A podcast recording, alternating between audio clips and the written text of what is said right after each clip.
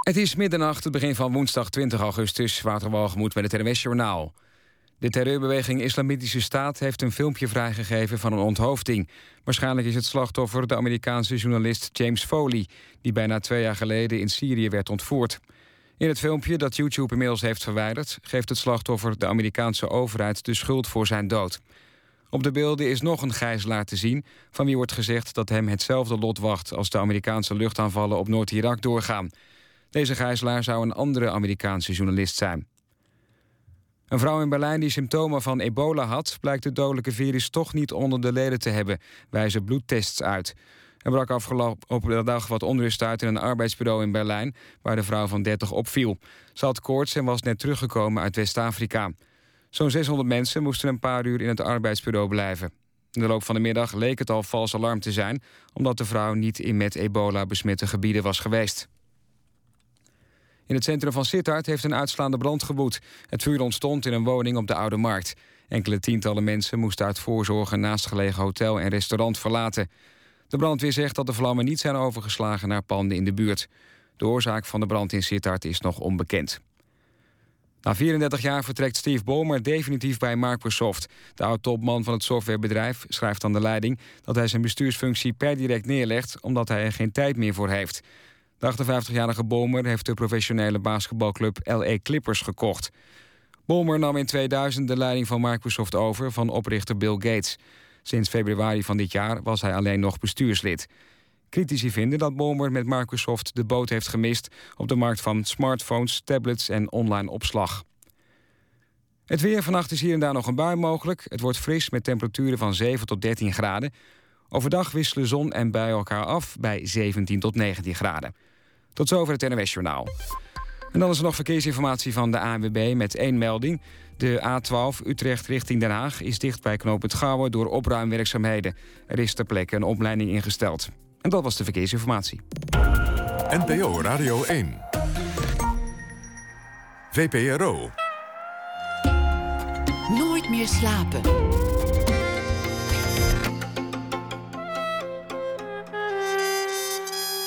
Met Pieter van der Wielen. Goedenacht en welkom bij Nooit meer slapen. Dance, literatuur, oorlog, vrede en film hebben we voor u vannacht. Isis van der Wel is DJ en dancepionier en ondernemer. 100% Isis heet ze. Ze is programmeur van een festival, het Magneet Festival. Een gesprek met haar na ene. Dan ook een korte cursus Hitchcock, waarin je leert hoe je precies moet kijken naar de films van de meester van de spanning. Dat ook na ene. Maar Hani Abu Assad is hier eerst. Het bestand was nog niet afgelopen vandaag of het geweld in zijn vaderland Palestina barstte alweer los. Hani Abu Assad is regisseur, werd geboren in Nazareth, woonde en studeerde en werkte in Nederland, waar hij uiteindelijk filmmaker werd. Vele films gemaakt, Het Veertiende Kippetje, Rana's Wedding, Paradise Now, Fort Transit, The Courier en Omar. Dat zijn zijn bekendste films. Het bracht hem naar Hollywood, waar hij werkte met grote sterren, grote acteurs. Waar hij Oscar-nominaties binnensleept en nog veel meer andere prijzen. Heel veel beroemdheden tot zijn fans mag rekenen, zoals Madonna. Inmiddels woont hij weer in Nazareth en nu is hij even terug in Nederland. Hartelijk welkom. Uh, dank u wel. We kunnen het over heel veel dingen uh, tegelijk gaan hebben. Uh, alles gebeurt tegelijk. Je, het succes in je carrière, wat maar, maar voortduurt. Alle projecten waar je mee bezig bent. Vorige week getrouwd. Gefeliciteerd. Dank u wel. En intussen het, het geweld in, in je vaderland. Ik, ik vraag me af... weer los. Hoe is je, hoe is je stemming? Hoe, hoe gaat het met je deze dagen? Om uh, niet meteen serieus te beginnen. Uh, nee, ik, ik, geloof, ik geloof niet dat het mogelijk is om eigenlijk vrede met de staat Israël te kunnen behalen. Voor een simpel reden. Uh, Israël wil graag alleen voor Joden als staat. En op, op het moment als je ergens een staat wil stichten, exclusief voor een soort religie of groep mensen. En er zijn mensen die daar recht hebben om ook daar te zijn, krijg je altijd conflict. Dus ik denk zolang dat de staat exclusief voor een soort mens, zou je altijd daar spanning hebben. Maar je bent getrouwd, je hebt succes in je werk, je bent hard bezig met allerlei projecten. Je bent even terug in toch ook je tweede vaderland, Nederland. En intussen barst dat geweld los. Wat doet dat met jouw stemming? Um, eigenlijk, um, in het algemeen depressief. Maak je depressief. In de zin van dat je geen hoop hebt meer op uh, beter toekomst. Toch nog, ook al uh, reëel, de hoop, uh, blijf je dat. probeer dat gewoon te, te, ja, te, te behouden, ook al is het reëel. Want zonder hoop dat zou niet lukken. Ja, ik denk de hoop is een soort verdoving voor eh, de ellende die je om je heen hebt. Omdat je wel altijd geloven dat dat toch nog beter komt. En we zitten al 60 jaar met hetzelfde gedoe. Dus ik denk, het is reëel, de hoop, maar je hebt het nodig, zoals de aspirintjes, om tegen de hoofdpijn. Wat merk je in Nazareth van het geweld als je daar bent? Want het speelt zich af in Gaza. Het is een stukje verder. Niet veel. Ik, uh, het lijkt of ik uh, in Europa woon. Uh, maar je merkt dat de discussie op straat is laaiend. Dus elke, bijna bij de groenteboer, bij de bakker, overal waar je naartoe gaat. In de taxi wordt daarover gediscussieerd. En, en bijna hetzelfde, gewoon dat ze geen. Met de staat Israël is bijna onmogelijk om daar vrede te sluiten. Want die zullen nooit Palestijnen binnen hun landsgrenzen dulden als volwaardige medeburgers. Dat is te gevaarlijk, is, is het Israëlische standpunt. Een tweede twee-staten-oplossing wil Israël ook niet. Dus, dus eigenlijk alle oplossingen zitten wel zo'n beetje vast, zou je kunnen zeggen. Ja, dus de Palestijnen hebben twee keuzes. Of zij accepteren de onderdrukking en niks doen en accepteren de minderwaardigheid positie. Of blijven ze vechten en ze zien ook um, niet altijd de, de hoop van blijven vechten. We vechten al 60 jaar. Het heeft ook niks uh, opgebracht, zover, zover. Dus het is, moet ik je zeggen, het is een deprimerende situatie. Maar laten we gewoon iets meer vrolijk uh, van maken van het leven. Dus uh, misschien over iets anders praten. Ja, nou, nou ben jij een, een prominente Palestijn. Een, een van de meest prominente misschien wel inmiddels. Wordt er ook van jou verwacht dat je iets doet? Dat, dat jij voor de Palestijnse zaken opkomt in, in dit soort tijden? Uh, ik, dat doe ik. Maar dat is, uh, is niet mijn hoofdzakelijke uh, functie. ik, ik als filmmaker zie ik mezelf als getuige op de tijdgeest. Niet alleen op, ehm, op, op, op de Palestijnse situatie. Dus een filmmaker in het algemeen, schrijver, uh, die probeert gewoon uh, zijn tij tijdgeest neer te zetten op een poëtische manier, op een, op een vermakelijke manier. Uh, dus als getuige doe ik dat. Dus doe ik, steun ik mijn zaak, mijn eigen zaak. Maar het is niet aan mij om de situatie te veranderen. En dat weet iedereen ook. Dus niemand verwacht veel van mij. Jouw films vond ik niet, vond ik niet echt in, in die zin activistische films. Er zijn wel mensen die dat erin zagen. Maar eigenlijk is, is het daar misschien te beschrijvend voor. Het laat gewoon zien hoe het is, voor een deel. Ja, wat is activistisch? ja, nou ja, dat, dat is een film die de kijker toch wel een bepaalde kant op duwt. Ik, ik had niet de indruk dat dat enorm aan de hand was. Ja, nee, omdat ik eigenlijk, moet je eerlijk zeggen, dat wilde ik niet van tevoren. Uh, mijn geloof was, voordat ik de film ging maken, dat bezittingen zal ooit beëindigen. Ik wil niet een film maken die afhankelijk is van de bezetting. Ik wil echt een goed verhaal maken die, die als de bezetting dood is, de film niet doodgaat. Omdat je wil nogmaals getuige zijn op de, op de wereld en je wil wat je maakt blijft op de wereld. Dus je wil het niet af, uh, laten afhangen van de bezetting. Dus ik heb eigenlijk een soort um, um, conflict gecreëerd tussen vrienden en uh, tussen liefde en vriendschap. En loyaliteit. En, en, het, en het is niet echt afhankelijk van de bezetting. Waarom ben je teruggegaan naar, naar Palestina? Waarom wilde je daar weer wonen? Was dat vanwege de liefde of was er een andere reden? Uh, uh, praktisch gezien vanwege het weer. We zijn nu in augustus en het regent buiten. Dat is, ik, ik heb nog steeds geloof ik niet dat ik hier 25 jaar heb gewoond en bijna alles met de fiets gedaan. Dat, dat is nu, als ik die mensen zie fietsen in het regen, dat heb ik ook gedaan. Dat geloof ik bijna niet dat ik dat kunnen doen.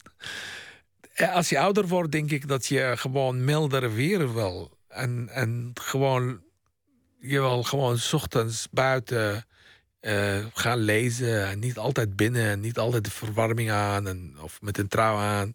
Ik ben ook een enorm liefhebber van mooi weer, maar weegt dat op tegen alle omstandigheden Ja, in Palestina? In een bepaalde leeftijd, ja. Kijk, toen ik jong was, nee, natuurlijk niet. Eh, Wat is jong? Jong betekent dat je prioriteit is eh, om te gaan leren. Je wil nieuwe ervaringen doen. Dus het maakt niks uit het weer.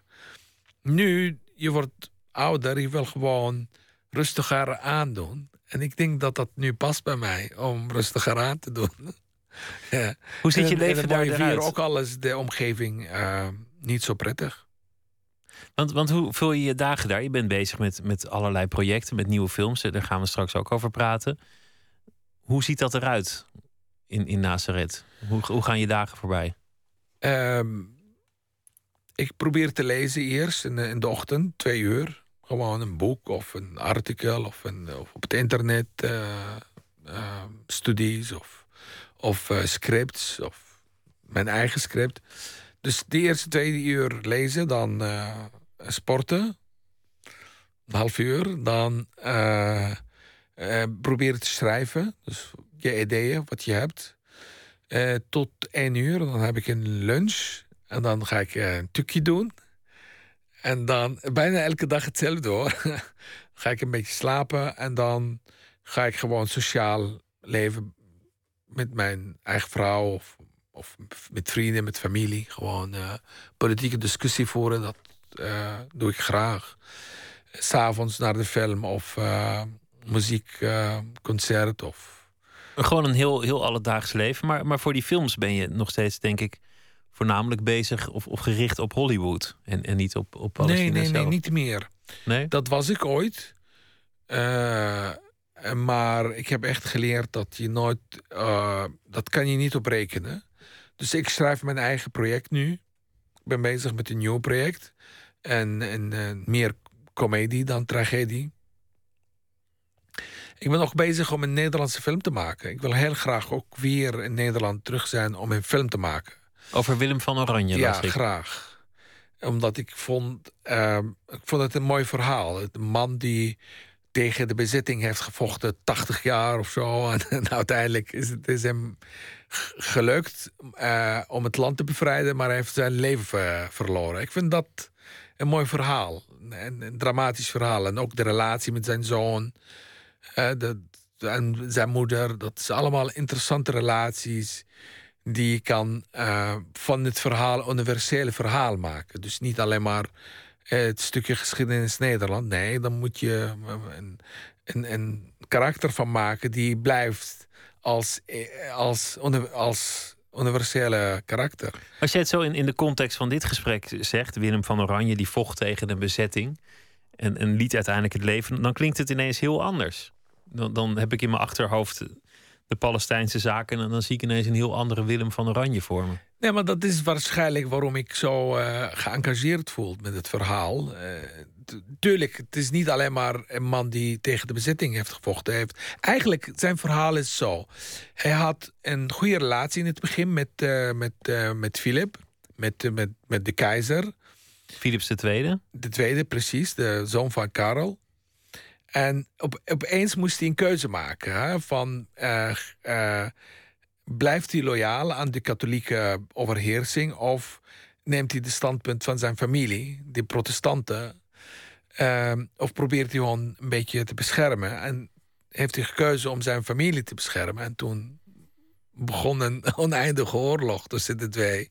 Dat is ook interessant eigenlijk, tussen eh, de relatie tussen Philip en, en Willem. En het feit dat interessant verhaal. Nederland bestond eigenlijk helemaal niet. was helemaal geen land in die tijd. Ja, precies. En, en, en het idee om het, de, de, zeg maar de, eh, hoe noem je de, de zeven staten eh, eh, eh, één van te maken, dat was ook een geweldig idee eigenlijk. En zo hebben ze ook kunnen de Spanjaarden weg, eh, wegjagen. Zonder eenheid is het, was het onmogelijk. Hoe gaat het in zijn werk? Je, je hebt een idee, eh, een, een, een gedachte. Nou, Willem van Oranje, die verdient wel eens een film. Hoe dan verder? Je, je moet het geld bij elkaar sprokkelen. Je moet, je moet acteurs, je moet een producer, je moet, moet al die dingen voor elkaar gaan boksen. Hoe werkt dat eigenlijk? We hebben, we hebben allereerst een uh, goede producers. Hazaza Films van Nederland en Pieter Jan Brugge van, uh, van Hollywood. En we hebben ook een hele grote acteur die geïnteresseerd zijn om in te spelen. Kan je al namen noemen of is dat Chris heel gaaf? Oké. Die is ontzettend geïnteresseerd. Die is uh, graag wil de rol spelen. Uh, maar we moeten nu een scenario maken. Dus de enige, wat in de weg staat is een goede scenario. En een goede scenario is niet makkelijk. Omdat je hebt vooral uh, als het gaat om geschiedenis en om biografie. Omdat biografie is een um, um, episodische structuur. Hè? Dat is geen dramatische structuur. Dus je moet van een episodische structuur een, dra een drama maken. En dat is niet makkelijk. Wat vooral drama die overal kan slaan. Dus, dus, een drama die kan werken in China, eh, eh, in, in, in, in Amerika, in, in Europa, overal. Dus de persoonlijke worsteling van Willem van Oranje moet universeel worden. Absoluut. Ook als je het verhaal niet kent. Moet Shakespearean worden. In de zin, wat is Shakespearean? Dat, dat iedereen kan begrijpen. En dat wordt niet alleen maar een, een klein verhaal in Nederland. En wanneer kan iedereen het begrijpen? Zijn er regels voor? Absoluut. Er zijn regels, ik kan wel een paar noemen. Als het gaat om uh, gevoel, uh, bijvoorbeeld als het gaat om uh, het, het misschien zeg ik het in het Engels beter. Het gaat om saving, dus het redden, het redden, surviving, overleven, ja. overleven, vechten tegen onrecht, liefde. Dus dat, dat kan wel meer noemen, maar dat, dat zijn dingen die universeel zijn. En dan moet Willem van Oranje denk ik ook nog een paar demonen in zijn eigen hoofd hebben. Als het, als het echt volmaakt Ja, hij moet tragic flow hebben die uh, begrijpelijk is. Een beetje paranoia. Moet, ja, precies. Hij moet... Uh, Nachtmerries. Uh, niet alleen maar... Dus tragic flow. Dus dat die... tragic flow betekent dat je iets bent en je wil het niet zijn. En je, de meer je tegen vecht, de meer je, je wordt het. dus, uh, en dat is heel interessant in de drama. Dat is, de meer je probeert uh, um, uh, je eigenschap weg te krijgen, de meer je nog meer van die eigenschap terugkrijgt. En wat, wat, was de tragic flow van, van Willem van Oranje? Was het de rebel die koning werd? Of, of de, de man die tegen de macht was en uiteindelijk de macht naar zich toe trok? Ja, ik, ja, ik denk dat, dat, dat hij komt uit een privilege, privilege dus hij, hij had alles kunnen hebben en, en, houden, toch? En de meer die hij probeert het te, te behouden, de meer hij heeft het verloren, eigenlijk. Dus. Uh... Je, je zei, je moet een grote acteur hebben, je moet een goed script hebben, je hebt een goede producer, je hebt een regisseur. Wat is het belangrijkste om uiteindelijk het stempel te krijgen dat het project doorgaat? Of, of met andere woorden, om het, om het geld los te krijgen van de, van de maatschappijen? Kijk, we gaan het op een manier doen dat het niet alleen maar afhankelijk van subsidies is. We moeten het uh, op een manier uh, maken dat dat afhankelijk is van de markt. Dus wat je doet eigenlijk, je probeert een goede scenario te schrijven waar alle, bijna alle kopers in de wereld op basis van het scenario en op basis van de acteurs en de regisseur het gaan kopen van tevoren. Waardoor je uh, de film kan maken op basis van zijn commerciële waarde en niet afhankelijk van de subsidies. Dus dat willen wij maken op deze manier. En wat is dan het belangrijkste om, om, om het los te krijgen? De acteur, het script of, of de regisseur? Uh, combina al, uh, de, de, combinaties, maar tegenwoordig de acteurs zijn al het belangrijkste element in de film. Als je een grote naam kunt uh, tevoorschijn ja. toveren, dan. Met een, dan met een bepaalde verhaal. Dus niet alleen maar een grote naam, met een bepaalde verhaal die past bij deze acteur. En de mensen zien hem als dat doen, geloofwaardig. Dan, dan de, dat heet de sales agents in de wereld gaan, gaan roepen: ja, ja, ja, we willen het hebben. Je hebt als drie uur met uh, Tom Cruise zitten, zitten overleggen. Ja, ooit. was, dat, was dat op dezelfde manier? Van als ik die naam binnenhaal, dan, dan heb ik mijn film rond? Uh, dat was iets anders. Hij wilde een film maken, dat was toen uh, Sold. Maar uiteindelijk heeft het Angelina Jolie gedaan. Bij, hij is ook, hij is ook weggegaan van, die, van dit project. Maar goed, zo'n project, dan zoeken ze een regisseur. En ze dachten aan mij en ik moest komen bij Tom Cruise... drie uur lang vertellen hoe ik de film zie. over zijn karakter, de beelden, het verhaal, de alles moest ik aan hem vertellen hoe ik, hoe ik hem zie in de film ook. En als hij overtuigd is, dan uh, mag je de film maken.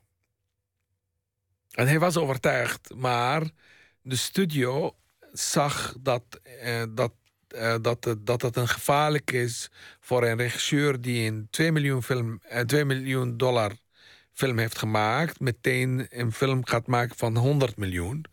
Dus ze gaven mij een kleiner project, heet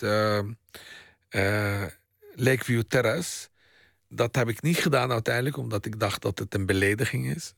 Van uh, mij van een grote project weghalen en op een kleiner project neerzetten. Een troostprijs. Ja, troostprijs. En, en ik ben helemaal weggegaan. En later ook Tom Cruise is weggegaan. En toen heeft Angelina Jolie dat gedaan met uh, de regisseur van, geloof ik, Philips. Uh, vergat zijn tweede naam.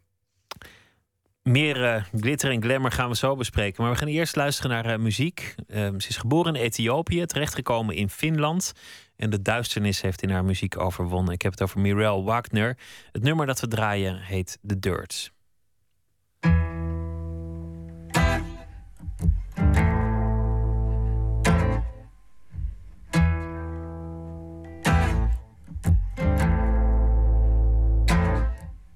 Mama I know the well is dry. Sing me a song one more time. The wind is raging and the birds won't fly. Nothing to eat and nowhere to hide.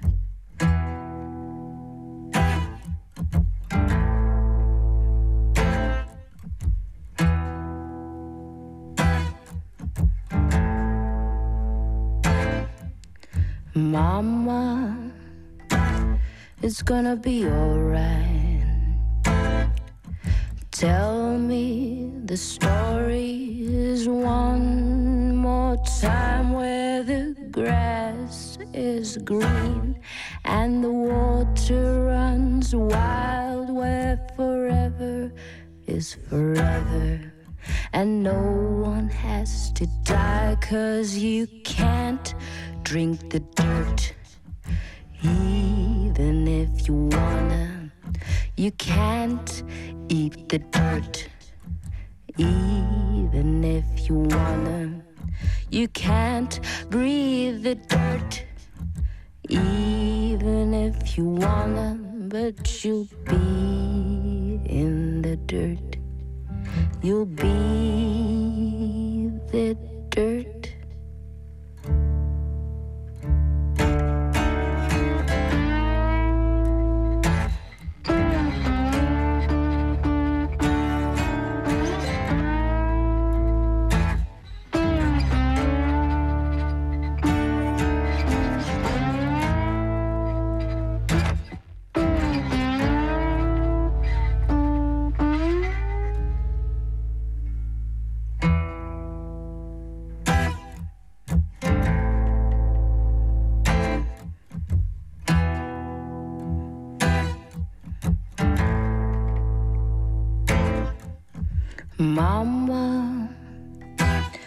Know I'm ready now.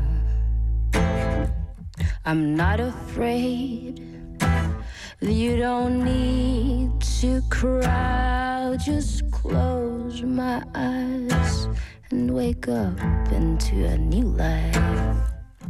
Mama, there is no need to cry, cause you can't drink the dirt. You wanna, you can't eat the dirt. Even if you wanna, you can't breathe the dirt. Even if you wanna, but you'll be in the dirt. You'll be the dirt. Mirel Wagner van haar eh, album met de prachtige titel When the Sadder Children See the Light of Day. Het uh, nummer heette The Dirt. U luistert naar Nooit meer slapen in gesprek met uh, regisseur Hani Abu Assad. Die zit hier tegenover mij. We hadden het net al over, over Hollywood en alle avonturen al daar. Dan gaat het al snel natuurlijk ook over Oscars en, en Golden Globes. Laten we luisteren naar een, een klein deel van het Amerikaans nieuwsverslag van, nou ja, van de Oscar-uitreiking en alle spanning die daarbij komt kijken. Hey everyone, I'm Kathy Kelly for Red Carpet Report, and we are here at the Rap pre Oscar party where we're going to be talking to some of the nominees. You were doing that. Was there any thought growing through your mind that it would eventually get nominated for an Oscar? No, no, no. You don't work this way. The most important is that the uh, normal audience would love it, and you are more obsessed by the idea that a lot of people are going to watch this and live with it. More exciting for me than nomination. And do you have a speech written or prepared at all? No, no, I'm a uh, superstitious man. Ja, geen speech voorbereid. Heel, heel verstandig. Moet je nooit doen natuurlijk. of je moet, moet voor alle variaties een aparte speech schrijven, maar dat is, weer, dat is weer te veel werk. Heb je er eigenlijk van kunnen genieten? Tot nu toe, van, van al de avonturen die je hebt meegemaakt? Ja, de tweede keer was veel meer genieten van, uh, van, de, van de circus. Uh, de eerste keer, weet je wat? Iedereen herinnert zich de eerste keer dat hij ging kussen. Zoenen. En eh, de eerste keer ben je zo bezig om jezelf af te vragen: heb ik het goed gedaan? Heb ik het niet goed gedaan? En je bent wel opgewonden, heel enorm opgewonden, maar je bent niet aan het genieten. En de tweede keer, je geniet er meer van dan dat je opgewonden raakt. Dus, dus dat, dat was de situatie. De tweede keer heb ik veel meer van genoten. Ik had bijna geen spanning. Uh, de eerste keer uh, bij de nominatie, omdat je bijna drie uur lang ben je aan het wachten of je naam wordt geroepen of niet. En na drie, jaar, uh, na drie uur word je echt bijna op. En de tweede keer was bijna oké, is goed. Maar in, in, beide gevallen speelde ook nog op de achtergrond dat er, dat er ophef was over de films. Dat er, dat er eh, radicale voorstanders waren, tegenstanders. Dat, dat de politiek zich toch naar binnen drong, als het ware, in, in die arena van de film. Dat, dat geeft veel onrust. Bereikt dat jou op zo'n moment of ben je daar dan niet mee bezig? Uh, de tweede keer was minder. Was veel minder. Met, met Omar? Uh, ja, de Omar was geen echt. Uh, was geen eh, controversie. Althans, dat voelde ik niet. Vergeleken met, met, met Paradise, Paradise Now. ja. Dus uh, de, de, ik heb echt van genoten de tweede keer. Het is eigenlijk iets wat, je, wat jij graag wil vermijden, hè? De, de, de controverse. Gek genoeg, omdat het zo'n gevoelig onderwerp is. Maar je zei net ook van ja, laten we het over luchtiger dingen hebben. Of het, het moet vooral ook een film zijn die, die vermaakt. Het, er moet ook een zekere luchtigheid in zitten. Het lijkt alsof je dat bij uitstek niet opzoekt. Ja, omdat dat hoeft. Uh, voor mij nu is het, het hoeft niet de hoofdzakelijke redenen zijn waarom je dingen moet maken. Natuurlijk moet je uh, uh, jezelf en de samenleving confronteren met hun eigen tekortkomingen. Maar uh, het hoeft niet uh, op een manier gedaan worden dat je veel mensen uh, vervreemdt. dus dan wil wil je, je kan het wel op een manier doen dat heel veel mensen toch nog zichzelf kunnen invinden in deze contradictie, zonder dat ze boos worden. Ja, dat probeer ik mensen minder boos te maken minder boos te maken aan beide zijden. Want, want mensen worden graag boos als het hierover gaat. Ja, en omdat ik geloof, als je mensen boos maakt, dan uh, schiet je uh, je doel voorbij. Ik denk het beste is als je uh, zelf ook open staat voor ideeën die haak staan op je eigen ideeën.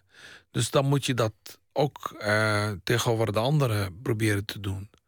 Zodat ze wel accepteren dat er zijn andere ideeën op de wereld. En dat doe je niet zo, als je gewoon boos maakt.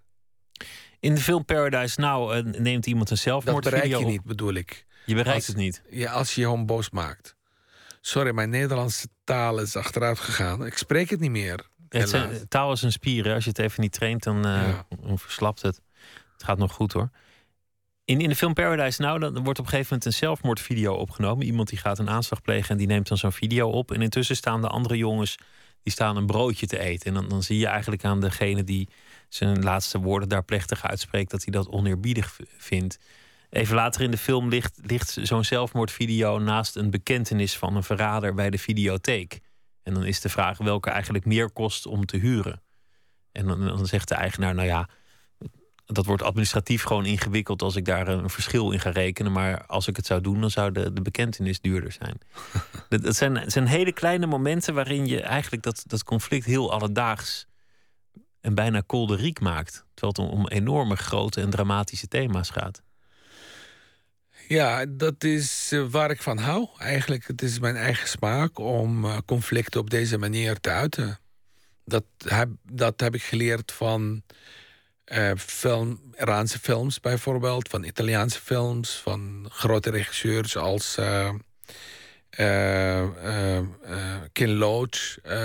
Dus dat je, wat je hebt ontwikkeld als smaak, probeer je dat ook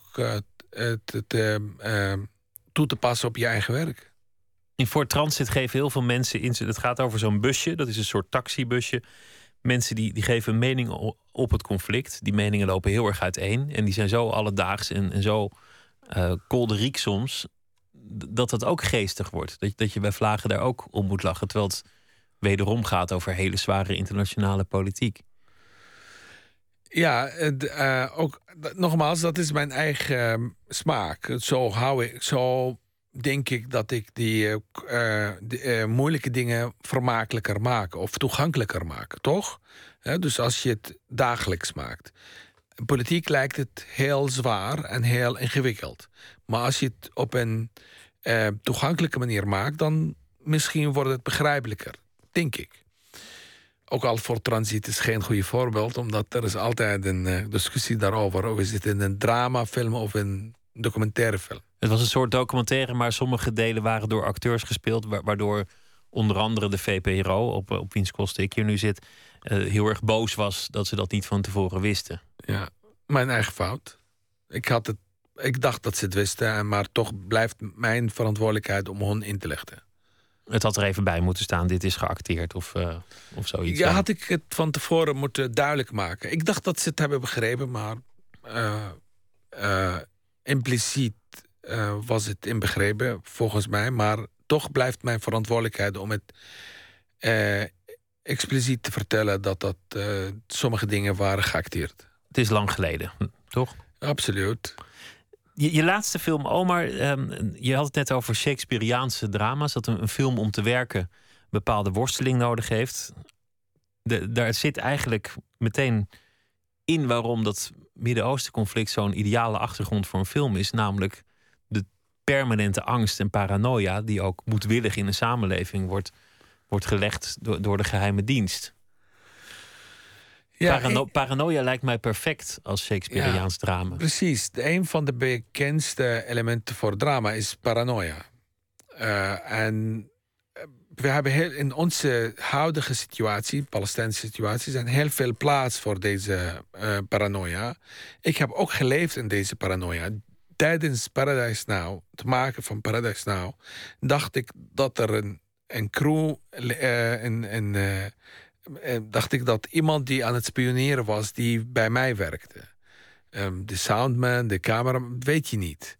En je wordt zo paranoia dat je denkt: wie kan het zijn? Wie vertelt de geheime dienst wat ik aan het maken ben? De- dus jij dacht dat de Israëlische geheime dienst misschien wel in de gaten hield wat jij in de, Ja.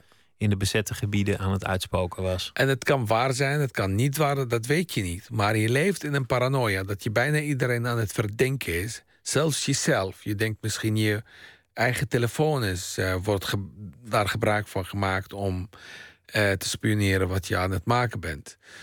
Je begon ook te slapen in een, in een kamer en jezelf te registreren, te registreren in een andere kamer in een hotel. Dus, dus je probeert. Dus eh, constant ben je aan het echt paranoia leven. Dat is geen, geen makkelijk geen prettige leven. Maar later dacht ik, dat is interessant, laat ik maar een film over maken. Vandaar kwam ik ook met Omar. Eigenlijk, het is een soort eigen ervaring. Een, een liefdesverhaal dat speelt tegen de achtergrond van dat conflict, waarin een man eigenlijk breekt, onder meer omdat het gewoon niet meer duidelijk is wie die kan vertrouwen, hoe het eigenlijk zit. Hij kan zelfs zijn liefde niet meer vertrouwen. Nou ja. dat heb ik niet met deze details meegemaakt, maar dat was bijna ooit mijn leven. Een thema wat er ook in voorkomt, en, en dat vind ik interessant omdat, het, um, omdat je het over Willem van Oranje had, dat hij eigenlijk zo enorm op Philips II leek. Hoezeer de beide partijen op elkaar zijn gaan lijken. Dat, dat is iets moois in een conflict. Ook als mensen ruzie met elkaar hebben, dan, dan worden ze een beetje elkaar, hoezeer ze elkaar ook haten. Ja, en het is altijd interessant dat ze in het begin proberen elkaar uh, uh, geen, conflicten van, uh, geen conflicten te creëren met elkaar. En, maar de conflict is onvermijdelijk en vandaar gaat het heel slecht. Omdat je in het begin hebt geprobeerd om toch maar vrienden te, vrienden te zijn. Ik vind het een heel interessant onderwerp. Dat Hoe vijanden op elkaar gaan lijken. Ja, en, en ook dat hetzelfde motivatie die uh, die de vriendschap behouden, is hetzelfde motivatie om de vijandigheid te creëren. En namelijk dat ze bij op elkaar willen lijken. De liefde. Deze jongen die, die heeft te maken met de geheime dienst. Die, die wordt uh, verhoord en, en zelfs gemarteld door de geheime dienst. Uiteindelijk ontstaat er eigenlijk een soort vriendschapsband. Hoewel het geen vriendschapsband is, maar het lijkt bijna een vriendschap tussen de, de, de Palestijnse terrorist en, en de, de Israëlische uh, man van de geheime dienst. De twee worden heel menselijk. Hoe is, hoe is dat ontvangen in, in Palestina? Die scène? Heel goed, ook in Israël. Ook in Israël? Ja, ik bedoel, niet veel mensen gingen naar de bioscoop, maar alle kritieken in Israël waren goed op die film. Ik denk omdat hij heel dicht bij de realiteit is. Ik heb niet ver uh, dingen uh, uh, ongeloofwaardig gemaakt. Het was echt heel geloofwaardig. En, en dan kan je de twee partijen gewoon de film laten waarderen. Je had het over Shakespeare. Shakespeare gaat ook vaak over wraak. Eigenlijk in bijna al jouw films zit het thema wraak. Ja, dat was. Uh, ik heb je verteld, een van de. Het vechten tegen onrecht aan wraak. Het is bijna hetzelfde element die universeel zijn, waardoor uh, bijna iedereen kan zich in, invinden in, in wraak. Alle Amerikaanse films zijn bijna uh, gebouwd op, op het gevoel van wraak. Maar wraak is ook moeilijk te doorbreken. En, als je het dan op een grotere schaal ziet met zo'n zo'n conflict tussen, tussen Israël en Palestina. De, Isra de Israëli's willen wraak voor, voor de aanslagen, voor de, voor de verloren zonen en dochters. De Palestijnen willen wraak voor, voor uh, de aanvallen en de verloren zonen en dochters. Hoe doorbreek je dat ooit? Nou, zo in mijn films laat ik zien dat wraak is eigenlijk uh, uh, dodelijk is, is vernietigend. Gif. En de Amerikaanse versie is uh, tegenovergestelde. Je krijgt gewoon het gevoel van, van voldoening bij wraak, toch? De meeste Amerikaanse films maken, maken het gevoel van wraak is rechtvaardig. En je krijgt ook, ook voldoening van. In mijn films tegenover, toch? Je krijgt echt bijna de dood. nou ja, en degene die wraak neemt, richt zichzelf ten gronde. Ja, dat is meestal wat er gebeurt. dat is wat ik denk ook, dat de, dat, dat de werkelijkheid. En de Amerikaanse films geven geen uh, um, uh, goede weergave van de werkelijkheid. Ja, dat is ook iets wat je misschien niet van een film moet vragen om een goede weergave van de werkelijkheid te geven. Is dat te veel gevraagd? Uh, nogmaals? Moet je, moet je dat vragen van een film om de werkelijkheid weer te geven? Kan dat ooit? Uh, dat moet toch? De goede films uh, die uh, ook blijven in de. In, dus die blijven als klassiekers of blijven gewoon op, in de geheugen van de mens. Dat zijn films die, die een stukje van de werkelijkheid kunnen vertellen. En wanneer weet jij dat je daar. getuigen zijn van een bepaalde werkelijkheid. Wanneer weet jij dat je daarin geslaagd bent? Alleen maar eh, de geschiedenis eh, kan dat bepalen. Dus als de film na twintig jaar wordt gezien, Paradise Now of Omar of voor Transit, en toch nog blijft hij interessant voor de nieuwe generatie die ver van deze tijden waren waar de film uh, zijn gemaakt. Je hebt niet een soort toets van de mensen die erbij waren, die, die, die het moeten herkennen als de werkelijkheid. Jawel, kijk, uh, in, in Paradise Now heb ik een heel goed verhaal daarover. Toen ik de film heb gemaakt, altijd had ik het gevoel dat ik misschien heb, uh, wegens dramatische redenen, heb ik heel veel uh, ver van de werkelijkheid zat. En totdat ik iemand heb gehoord dat die ooit op deze weg was. En toen hij die film zag, heeft hij drie dagen zitten huilen. Van verdriet. En als jij iemand pakt die in dezelfde situatie zat als in de film, als je hem zo hard pakt, betekent dat je heel dicht bij de werkelijkheid was. Dat is, dat is uh, uh, van Paradise Now, van Omar, ook bijna hetzelfde verhaal. Dat je mensen die bijna. Toen ik de film heb laten zien in Palestina, krijg ik bijna iedereen van iedereen te horen. Oh, dat is bijna mijn eigen verhaal. Het is mijn eigen verhaal. Het is mijn eigen verhaal. Dus dat, dan weet je dat je daar dicht bij de werkelijkheid was. We gaan weer luisteren naar een uh, stuk muziek uit Texas. En uh, dit gaat over een band die al 18 jaar lang beschikte over één kracht, namelijk uh, de stem van zanger Britt Daniel. En die stem is goed voor de betere rock songs. Maar we hebben een wat rustiger stuk uitgekozen van het nieuwe album van Spoon. Het nummer heet Inside Out.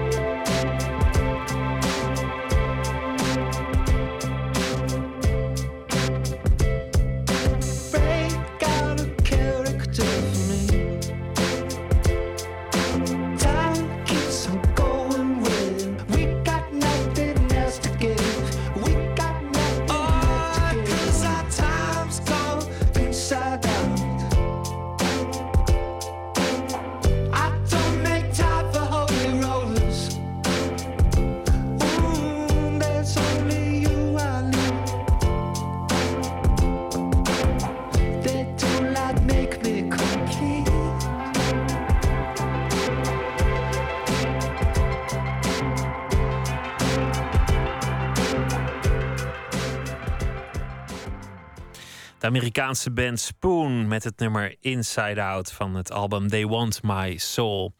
Hani Abu Assad zit uh, nog tegenover mij. Um, ja, rustig aandoen. Genieten van het weer. Net getrouwd. Je grote liefde heeft ja gezegd. Je bent, uh, je bent uh, geboren in Palestina. Toen ben je naar Nederland verhuisd als jonge man. Je, wilde eigenlijk film maken, maar je bent hier gaan studeren voor vliegtuigbouwer. Toch opeens film gaan maken. En, en toen is dat, dat uh, grote avontuur waar we het net al over hadden gebeurd.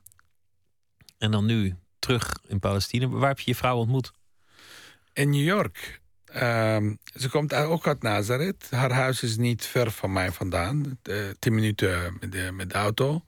En toch hebben we elkaar in New York leren kennen. En, uh, het was heel grappig. Ze, ze, ze, herkende mij. Ik kende haar niet, maar ze herkende mij. En ze, sprak me aan. En, en, we begonnen te praten. Twee uh, Palestijnen in New York. En twee dagen later uh, hebben we besloten om toch maar te, het leven samen te proberen. En daar? In, in Palestina, niet in, niet in New York? Ja, ik, uh, ze, ze wil eigenlijk graag in New York blijven wonen. Maar ik, uh, ik wil wel ja, een paar dagen of een paar weken in New York zijn per jaar, maar niet langer. Ben je een winnaar in het leven? Kan je, kan je, dat, kan je dat zo zeggen? Of is dat, uh, is dat te plat? Ja, laten we maar afwachten aan het eind van het leven. Nee, we zijn er nog niet. Nee. Nou ja, je hebt, je hebt een aantal grote worstelingen moeten overwinnen. Je, ik bedoel, het is, het is moeilijk om op de leeftijd waarop jij migreerde te migreren. 19, net gevormd, heel veel twijfel in het leven. Kom je in een heel nieuw land. Moet je iets gaan doen? Durft eigenlijk niet wat je wil doen? Ga je maar, ga je maar vliegtuig bouwen? En, en, toch is er op een gegeven moment die stap gekomen om wel films te gaan maken. Ik, ik kijk, uh, ik heb nooit echt uh, rationeel over nagedacht. Van waarom is het gelukt? Ik heb altijd gedacht van het is ook geluk. Het is mijn, uh, het is, ik was op de goede tijd en goede plaats. En dan lukt het.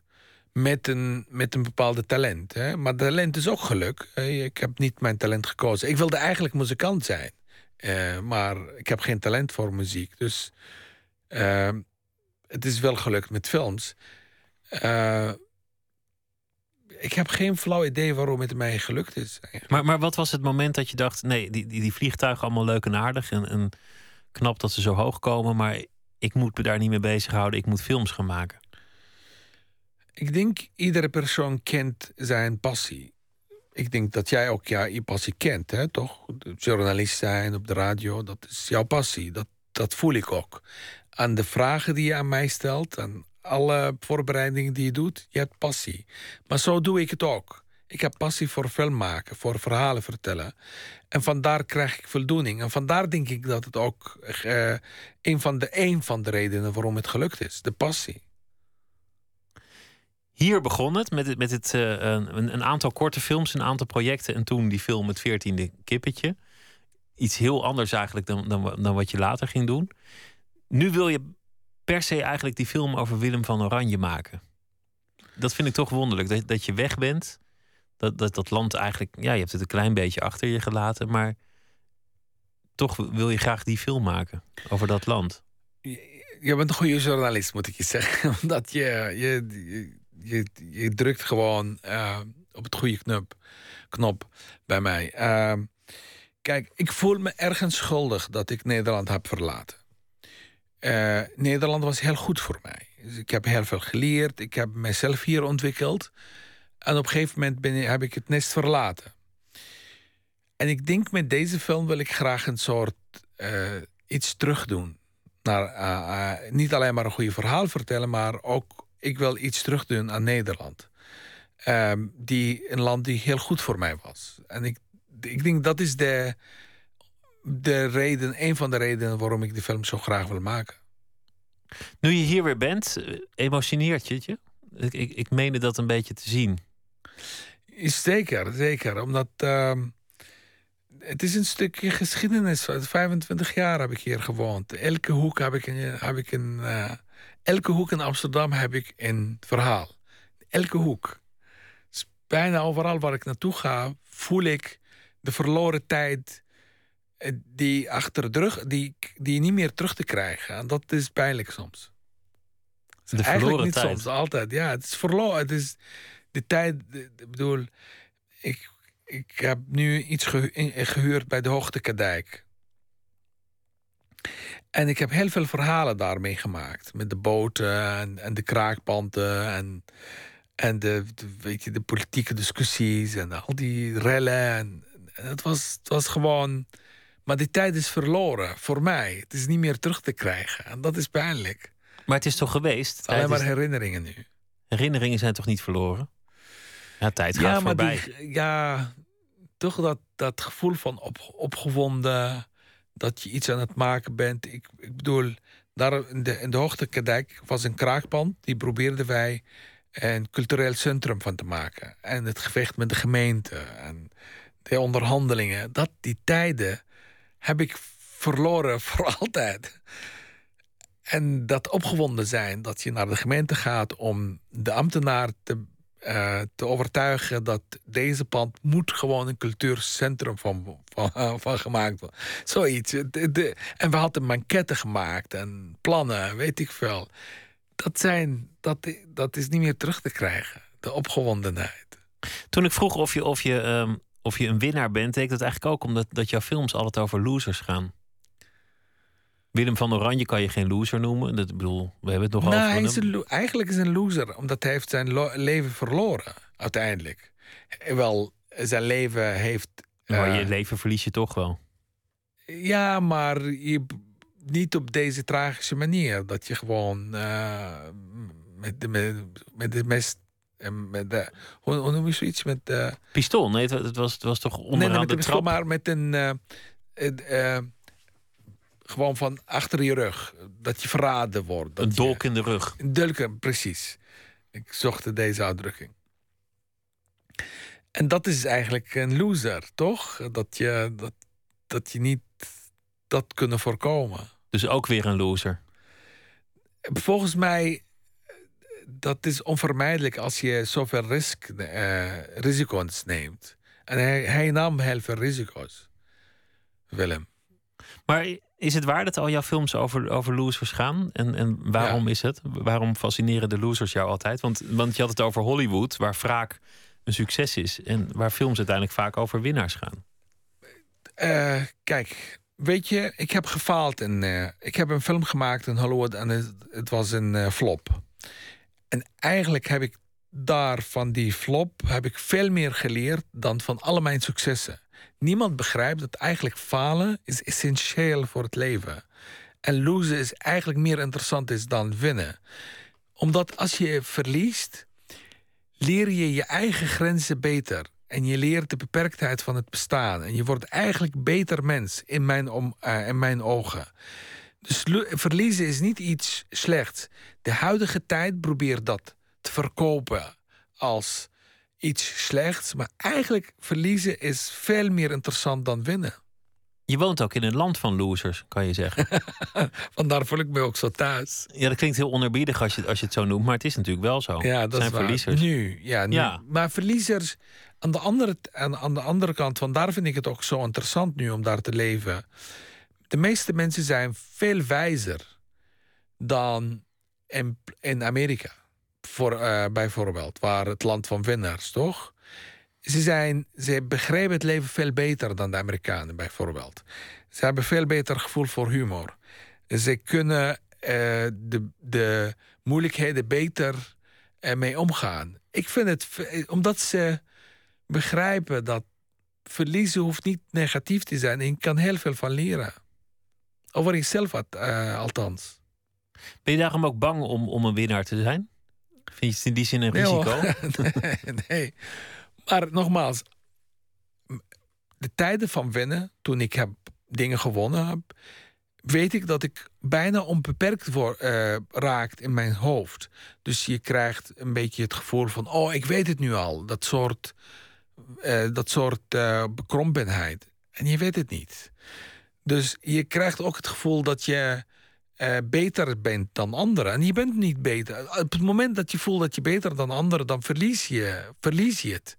Dan, dan word je gewoon een vervelende mens. Dus ik, ik ken alle, alle situaties. Ik ken situaties dat ik ben een winnaar en ik ken situaties dat ik een verliezer was.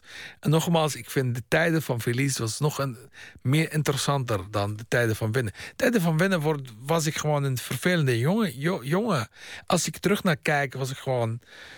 Je begint in jezelf te geloven en je begint een beetje te denken: oh, ik, ik, ik ben. Ik kan alles. En je kan niet alles. Dus het is echt het is een bekrompenheid die ik niet wel graag altijd heb. Ik bedoel, je moet af en toe winnen. dat is ook een, eh, leuk. Maar ja, dan, dan haalt het zichzelf wel weer in. Dan komt er vanzelf weer een moment dat dingen niet lukken. Ja, als, als je realistisch bent, als je, als je wijs bent, als je begrijpt het leven beter, dan moet je rekening houden met winnen en verliezen. En soms kan verliezen interessanter zijn. Niet alleen maar interessanter, ook leuker eigenlijk. Ik heb dat is niet de gangbare opinie dat verliezen leuker is. Nou, dan moet je, moet, je, moet je, daarvan, moet je dat leren. En je, het leven wordt iets, uh, iets makkelijker eigenlijk. Kijk, nogmaals, Palestijnen hebben het verloren.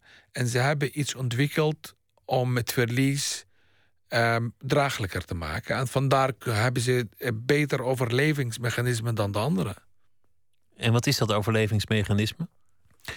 Dat je bijna elke situatie, uh, ook hoe zwaar de situatie is, uh, ga je de, kan je gewoon. Ben je zo creatief dat je daar de, licht, lichtheid van kan zien. En niet alleen maar de, de, de goedheid van kan zien. Kijk, ik heb, ik heb net een boek gelezen, een Palestijnse boek.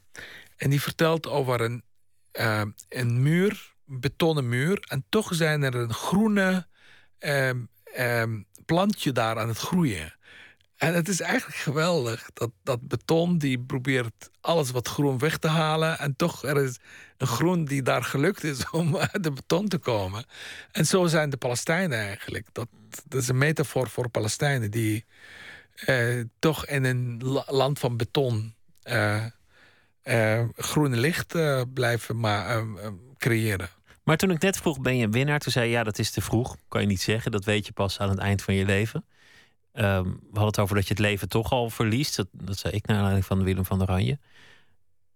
Ah, stel dat het het eind van je leven is. Eh, weet ik veel, 60 eh, jaar nog te gaan of zo. Of, of ik geef je 70. Ik ga er niet over. wanneer, wanneer heb je dan gewonnen? Nogmaals, uh, uh, ik voel me niet in het, in het totale dat ik een winnaar ben omdat ik heb heel veel ehm, dingen die ik wil graag doen, kan ik niet doen. Bijvoorbeeld. Of ik wil graag Palestina zien bevrijd worden. worden. Dat, dat, het, uh, dat Joden en Palestijnen gelijk samenwonen, toch? Dat is een grote um, wille. En dat is voorlopig niet haalbaar. Dus dat zou ik altijd voelen dat ik het heb verloren, bijvoorbeeld. Ook al op een kleine, kleinere schaal heb ik dingen gewonnen. Zoals um, een film van Omar maken. Of misschien straks de film van Oranje. Of een, of een Oscar. Dank dat je te gast uh, wilde zijn, Annie Abu Assad. En uh, veel plezier nog in Nederland. In, uh, op de Hoogte Kadijk in, in Amsterdam. En heel veel plezier ook. Veel succes ook terug in Nazareth. Dank je wel. Dank je wel, Pieter.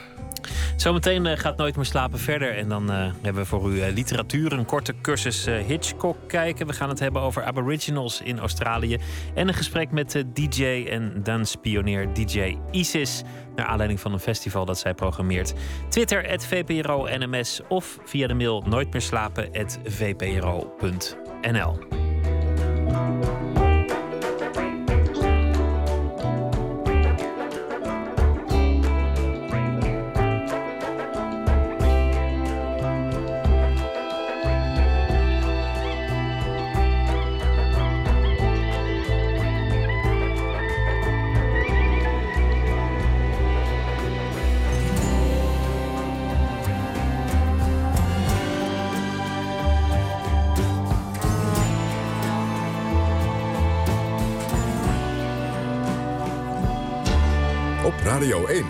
Het nieuws van alle kanten.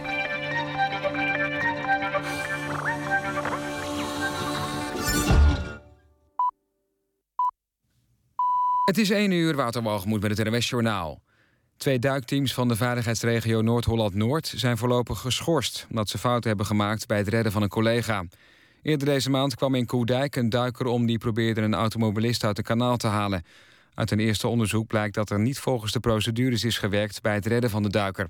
Wat er precies misging is niet bekendgemaakt. Een externe partij gaat nu bekijken of de duikteams wel vakbekwaam zijn. Ondertussen nemen duikers van omliggende regio's en van de marine de taken waar. Terreurbeweging Islamitische Staat heeft een filmpje vrijgegeven van een onthoofding. Waarschijnlijk is het slachtoffer de Amerikaanse journalist James Foley... die bijna twee jaar geleden in Syrië werd ontvoerd. Op de beelden is nog een gijzelaar te zien... van wie wordt gezegd dat hem hetzelfde lot wacht... als de Amerikaanse luchtaanvallen op Noord-Irak doorgaan. Deze gijzelaar zou een andere Amerikaanse journalist zijn. Het geweld tussen Israël en Hamas is weer in alle hevigheid losgebarsten. Israël heeft de Palestijnse raketbeschietingen van afgelopen middag beantwoord met grootschalige aanvallen op de Gazastrook. Daarbij zouden een vrouw en een meisje van twee zijn gedood. Vanuit Gaza volgden nieuwe raketbeschietingen, onder meer op Tel Aviv, de grootste stad van Israël. Voor zover bekend vielen daarbij geen slachtoffers. Een vrouw in Berlijn die symptomen van ebola had... blijkt het dodelijke virus toch niet onder de leden te hebben, wijzen bloedtests uit. Er brak afgelopen dag wat onrust uit in een arbeidsbureau in Berlijn... waar de vrouw van 30 opviel. Ze had koorts en was net teruggekomen uit West-Afrika. Zo'n 600 mensen moesten een paar uur in het arbeidsbureau blijven. Tennis Robin Haas heeft de tweede ronde van het Amerikaanse hardcourt-toernooi in Winston-Salem niet overleefd. Michael Kokushkin uit Kazachstan versloeg de Hagenaar in drie sets. Het weer vannacht kan er hier en daar een bui vallen. Het blijft overwegend droog. De temperatuur daalt naar 7 tot 13 graden. Overdag wisselen zon en regen elkaar af. Het is dan zo'n 18 graden. Tot zover het NOS-journaal. En dan is er nog verkeersinformatie van de ANWB met één melding. De A12 Utrecht richting Den Haag is dicht tussen knooppunt Gouwen en Moordrecht... door opruimwerkzaamheden. Er is een omleiding ingesteld. En dat was de verkeersinformatie. NPO Radio 1. VPRO. Nooit meer slapen.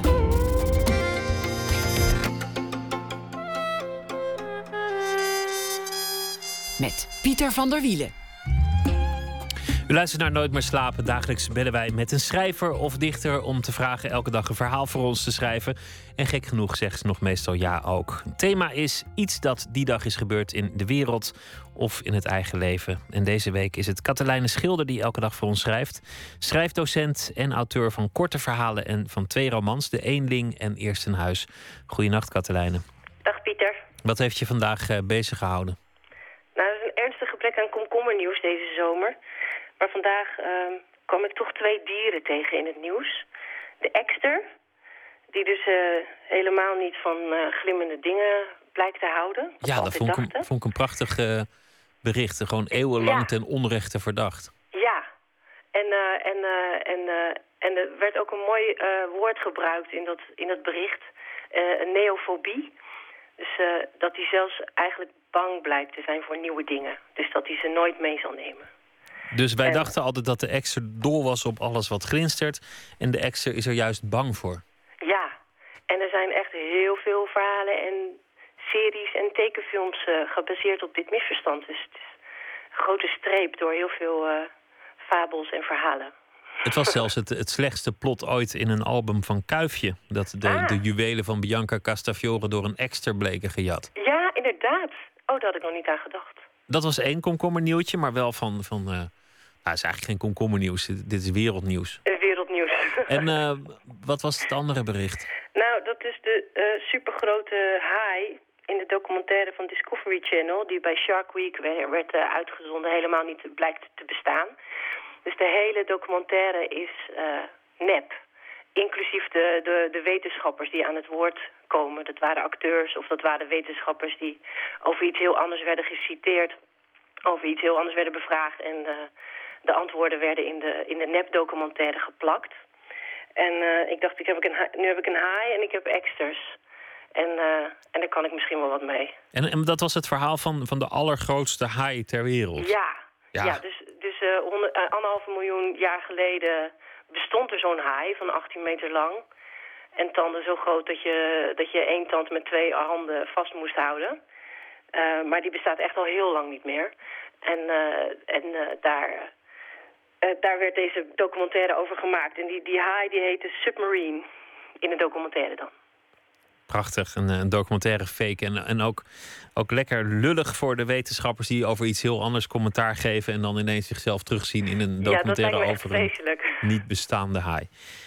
Genoeg stof voor een mooi verhaal. Ik uh, ben benieuwd. Ga je gang. Dank je. Sinds de konijntjes van Hangoor Evi in het hok in de achtertuin van de familie van Els geboren waren, cirkelden er zes eksters boven het verblijf. Zo nu en dan maakte er een een snoekduik vanuit de naastgelegen kastanjeboom en pikte door de spijlen heen een kleintje dood. Hangor Evi had al drie lijfjes apart gelegd in het veel te kleine hok. De familie van Els had niets in de gaten. Het was Shark Week op Discovery Channel en elke vijf à zes minuten hapte een reusachtige haai richting het televisiescherm alsof, alsof het de huiskamer binnen zou vliegen. Peter en Henny van Els trokken instinctief hun voeten in om te voorkomen dat de haai, die Submarine heette, in hun tenen en in de koffietafel zou bijten. Tijdens de vele reclames pielde meneer Van Els wat op zijn iPad. Kijk nou, zei hij. Eksters houden dus helemaal niet van glinsterende dingen, lees ik hier. Henny veranderde wat aan de geluidsinstellingen van het surround sound systeem. De achtergrondmuziek van de haaiendocumentaire was zo doordrenkt van diepe bastonen dat de ruiten trilden in hun spanning. Ik lees hier dat ze zelfs last hebben van neofobie, zei meneer Van Els, terwijl hij zijn voeten weer op tafel legde. In de achtertuin hoefde de grootste ekster, waarschijnlijk de, de leider van de groep, alleen nog maar te kiezen welk konijntje hij dit keer aan zijn einde zou brengen. De linker of de rechter. Hij dacht een moment na, toen wist hij het. In de woonkamer hapte Super High Submarine nog maar eens richting zijn kijkers. Dat was hem. Ja, mooi. Wat, wat, wat eigenlijk de, de parallel is tussen, tussen de twee uh, thema's, is dat we ook echt gewoon helemaal niks weten. We denken dat we alles weten, maar we weten gewoon echt zo ontzettend bizar weinig. Ja. Want we, we weten eigenlijk niet wat er in de zee zwemt. Terwijl, uh, wat is het, uh, meer dan de helft van onze planeet uit water bestaat, weten we eigenlijk niet zo goed wat er daar allemaal voor diersoorten in, in, in rondkroelen. En je kunt de meeste mensen dus ook wijsmaken dat er 18 meter lange haaien rondzwemmen. En dat had je, je mij eigenlijk nooit. ook best kunnen wijsmaken. En, en extras die zie je gewoon in je tuin vliegen. En, en nog steeds weet je niet wat ze eigenlijk doen de hele dag. Weet je gewoon niet. Nee, maar ik vind die extras bij, bij mij in de tuin wel vrij uh, moordlustig hoor, moet ik zeggen. Ik, ik, ik had er wel veel haaien-associaties bij op de een of andere manier. Dat geldt eigenlijk voor de meeste dieren, toch? Als je een pot uh, voer of wat dan ook in je tuin uh, laat staan, ook al is het hermetisch afgesloten, zorgen die extras er wel voor dat ze het open krijgen. Ja, is dat, is dat rooflustig of hebben ze gewoon honger? Ja, ze hebben geen zin om zelf uh, wormpjes te zoeken. Het is jammer dat er deze zomer niet, uh, niet wat meer dierennieuws was. E even nog doken ergens een, een verdwaalde wolf op, maar die hield ook geen dagstand. Bleek gewoon nee. meteen een herdershond. We hadden andere dingen aan ons hoofd deze zomer. Ja, absoluut. Jammer is dat. Volgend jaar, uh, ja. volgend jaar veel beestennieuws, uh, mag Heel ik graag. hopen. En dan, dan liefst ook een ringslang in de achtertuin... of een krokodil in het riool... of een, uh, of een haai in de Haarlemse gracht. Waarom ja. niet? Katelijn Schilder, dankjewel. Hele goede nacht. En morgen graag weer een verhaal. Tot morgen. We gaan luisteren naar Muddy Waters, de koning van de blues. Het nummer heet My Home is the Delta.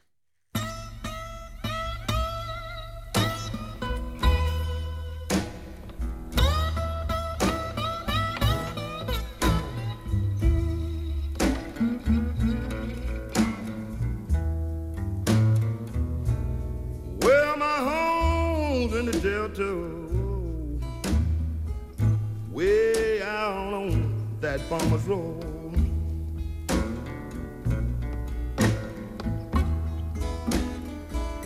Now you know I'm leaving Chicago, and people I sure do hate to go.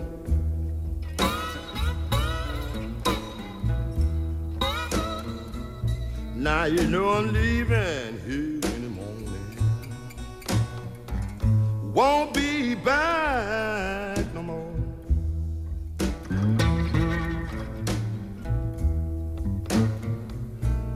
Well, I know my little baby This girl don't know what a shape I'm in.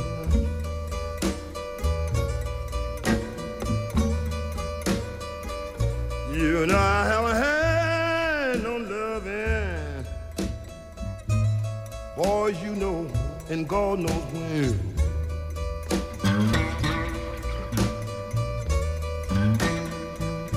Now you know I just been sitting here thinking, wondering where in the world she been.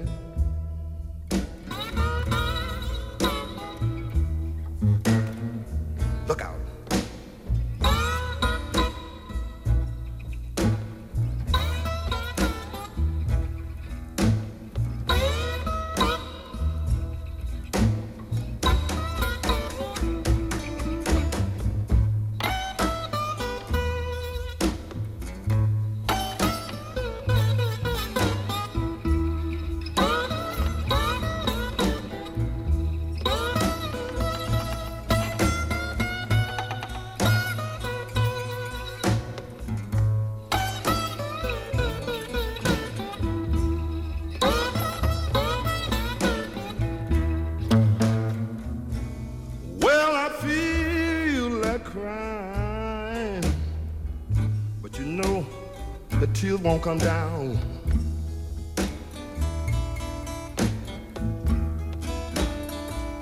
I feel like crying, but you know the tears won't come down.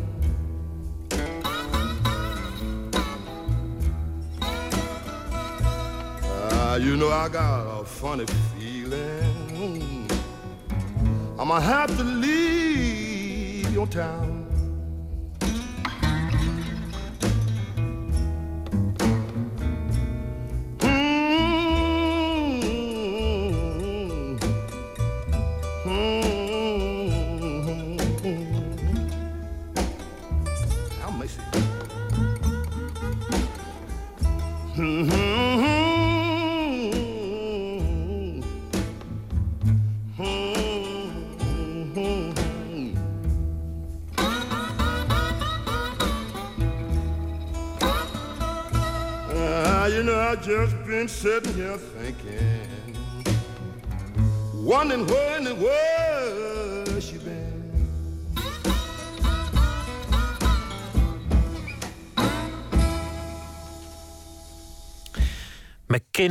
Morganfield was zijn echte naam, Muddy Waters. Het eh, nummer heette Home is the Delta uit 1964.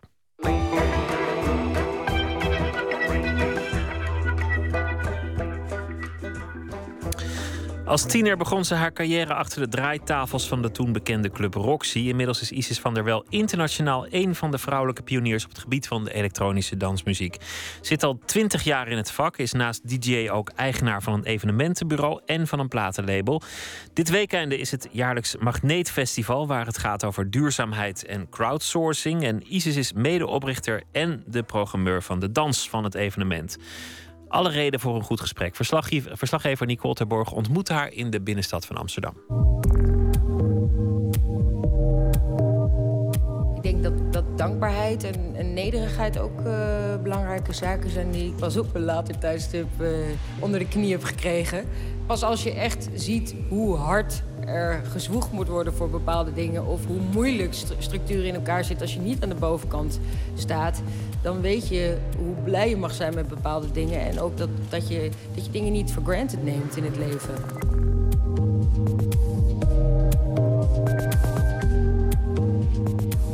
Eh, we lopen nu door het centrum van Amsterdam.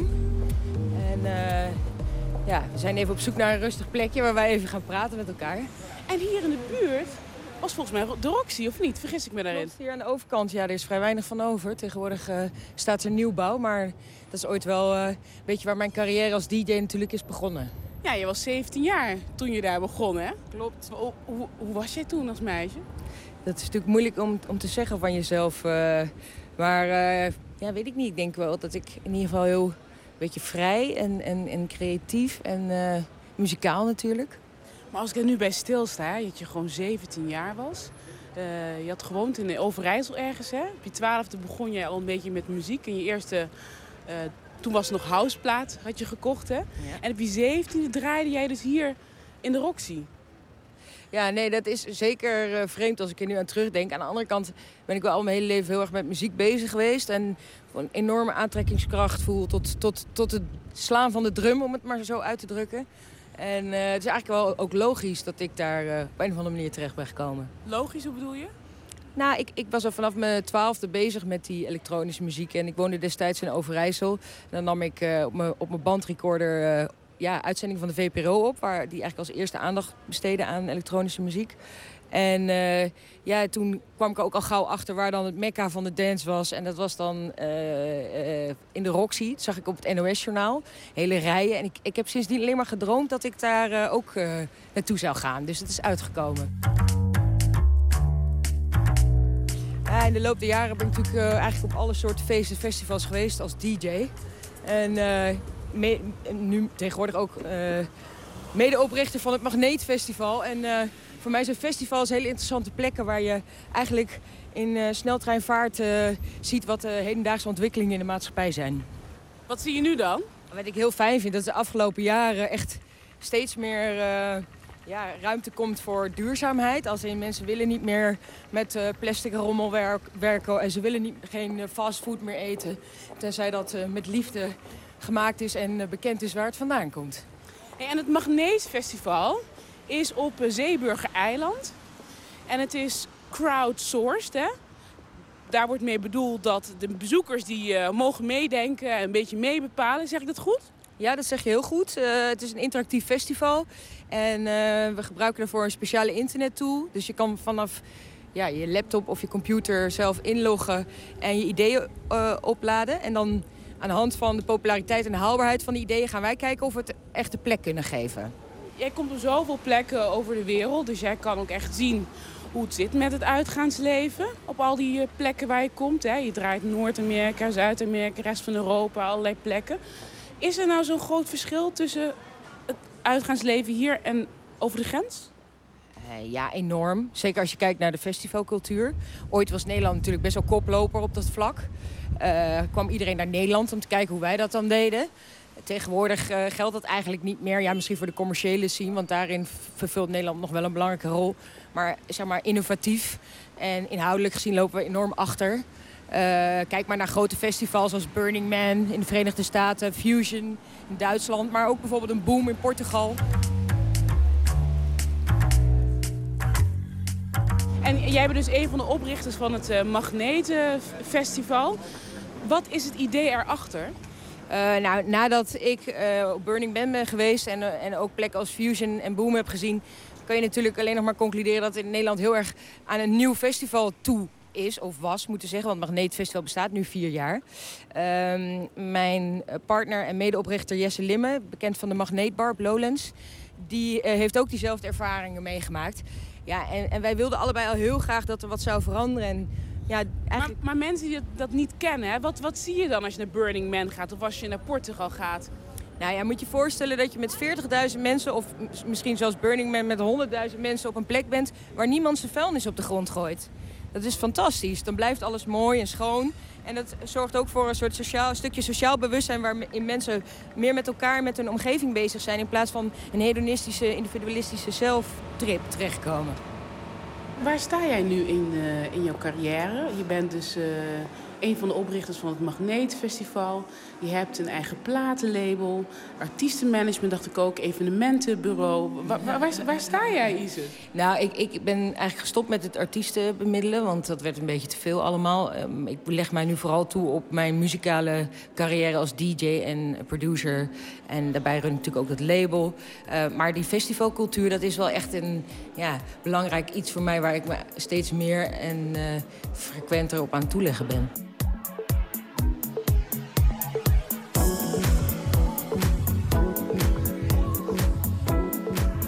Ik merk gewoon dat alleen muziek, dat, is voor mij niet genoeg.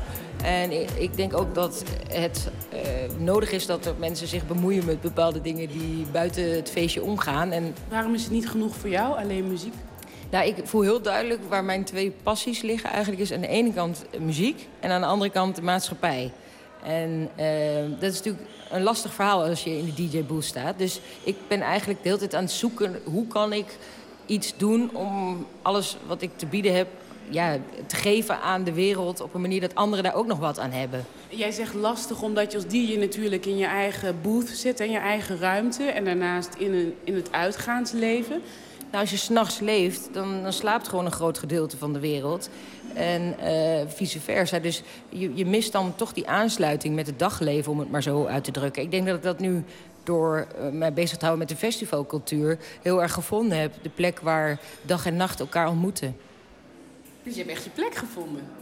Nou, dat, ja, zo voelt het wel. Ik voel me wel heel erg uh, content met de, met de manier hoe ik dus en die muziek en die maatschappij bij elkaar heb kunnen brengen.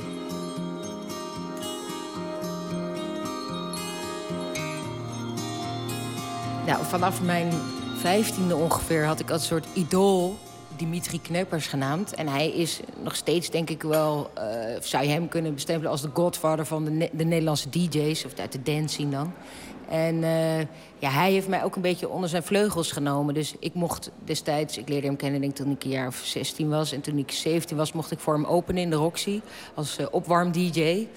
En uh, daar is eigenlijk mijn carrière een beetje begonnen. Maar ja, die, die, man, ik bedoel, hij heeft zoveel mensen geïnspireerd. Zelfs de, de, de grote uh, uh, mensen uit de techno zien, als een Derek May of een Carl Craig... die kwamen in de jaren negentig naar Amsterdam om, om dicht bij hem in de buurt te zijn. Dus ja, dat is, dat is wel eigenlijk mijn grote voorbeeld geweest altijd als DJ. Maar hoe ging jij bijvoorbeeld om met die, met die sterrenstatus? Had je genoeg begeleiding? Ja, dat was er in die tijd nog helemaal niet.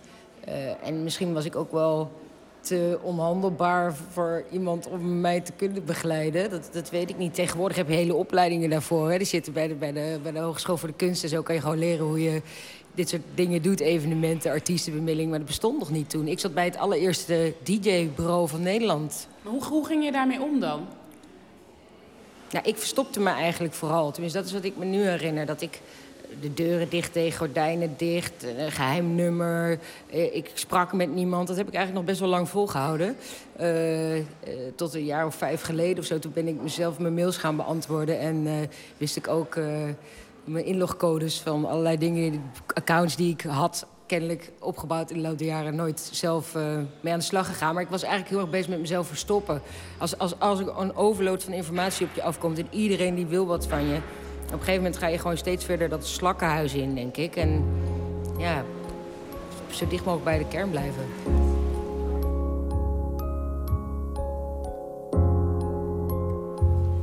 Wanneer nam je het besluit van het is nu afgelopen, ik, uh, ik ga naar buiten? Nou, eerst heb ik dat dus gedaan door een burcht om me heen te bouwen... met mensen die die buitenwacht van me afhielden. Dus mijn eigen bedrijf opgericht. Maar daardoor heb ik wel heel erg veel geleerd. Onder andere van wat werken eigenlijk inhoudt hoe je in normaal Nederlandse brief moet schrijven. Echt dingen die ik nooit, nooit had gedaan tot die tijd. Aangezien ik gewoon van school was gegaan. Zo van, jongens, de groeten. Ik heb iets leukers ontdekt. Maar uh, ja, ik weet het niet. Ik, ik vind dat ik er nog best goed uit ben gekomen... gezien uh, de heftigheid van uh, mijn uh, verleden. Ja, hoe heftig was het dan? Tja, hoe heftig was het dan?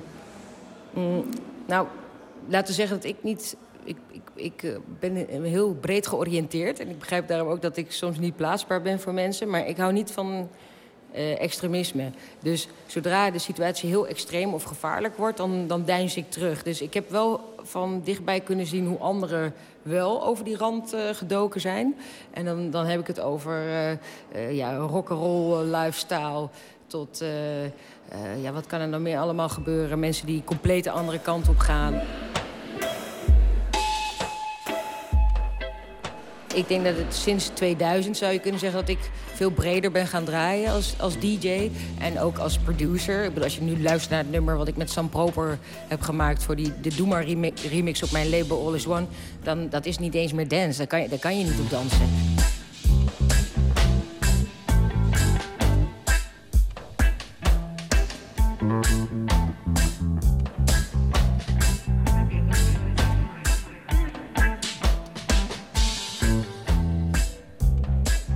Zit nu ruim 20 jaar uh, in het vak.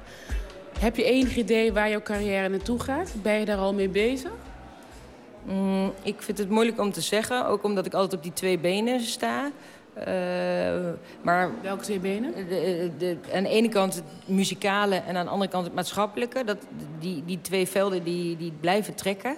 Uh, ik kan me dus ook niet voorstellen dat ik ooit één daarvan helemaal gedag zou zeggen. Ja, misschien meer muziek maken. Als ik wat rustiger ben, dat ik daar wat meer tijd voor ga nemen omdat ik ook dat zelfbeschikkingselement heel belangrijk vind. En als je zelf muziek maakt, heb je natuurlijk veel meer grip op dan als je DJ bent en uh, altijd uh, hè, uh, het, trucje op het podium moet doen. Dus ja, meer muziek maken en toch die festivalcultuur wel. Omdat ik daar ja, geïnspireerd door raak. En ik denk ook dat het goed is voor de maatschappij om dat soort plekken te kennen die je uit je dagelijkse hokje in, trekken en bij anderen brengen waar je normaal niet zo, snel mee in contact zou komen in de buurt van de Stopera, bij Waterloopplein. Ook een plek waar jij vaak te vinden was toen je nachtburgemeester was van 2010 tot 2012. Jouw moeder is natuurlijk ook burgemeester uh, geweest. Ja. Is dat een rol die bij jou past? Ja, ik, ik heb er toevallig laatst nog over nagedacht dat als burgemeestersrol nou zou zijn om puur toe te zien op de integriteit van alles wat in een gemeenschap gebeurt. Lijkt me echt top om dat te doen. Maar helaas is het natuurlijk niet zo. burgemeester moet overal voor opdraven. En uh, uh, tot in de kleine uurtjes. En dat, is, dat lijkt me gewoon een hele zware baan. En ik weet ook hoe het is, want mijn moeder is natuurlijk burgemeester geweest. Ja, integriteit, verbinden, dat zijn wel een beetje kernwoorden voor jou, hè? Ja, waarom? Ja, dat, dat, dat, dat gaat mij, laat mijn motortje harder draaien.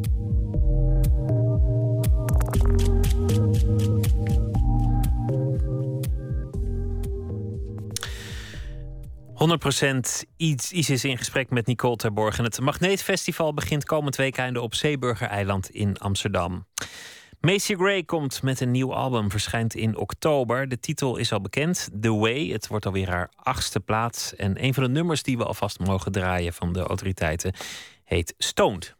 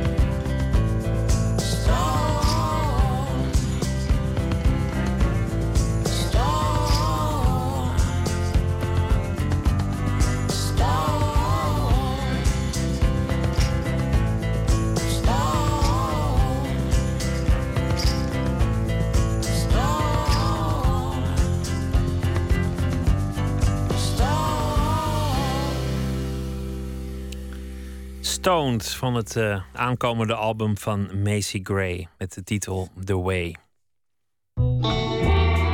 Nooit meer slapen. Robert Portier is uh, journalist en correspondent in Australië. Met enige regelmaat houdt hij ons op de hoogte van wat er op cultureel gebied te beleven is Down Under. Ik heb hem nu aan de lijn. Goeie nacht voor ons, uh, Robert Portier. Goeie morgen voor jou, denk ik alweer. Goedemorgen en goedenacht voor jullie. Ja, je wilt het hebben over het uh, Australische ballet, omdat daar voor het eerst een Aboriginal danseres is aangenomen. Klinkt als een vrij klein bericht, maar kennelijk is het in Australië groot nieuws. Wat, wat is er aan de hand? Ja, tuurlijk. Nou ja, um, kijk, een Aboriginal danseres, het klinkt inderdaad uh, alsof het um, nou ja, iets is wat al uh, heel lang op zich uh, had laten wachten. Um, maar er zijn gewoon zo weinig Aboriginal dansers dat, het, dat het wel opmerkelijk is. Kijk, um, er, zijn, het is niet zo'n logische keuze voor Aboriginals om op balletles te gaan.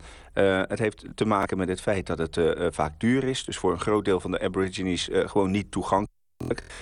Ze kunnen de lessen niet betalen, maar helemaal niet de vervolgstappen die dan leiden tot een professionele carrière.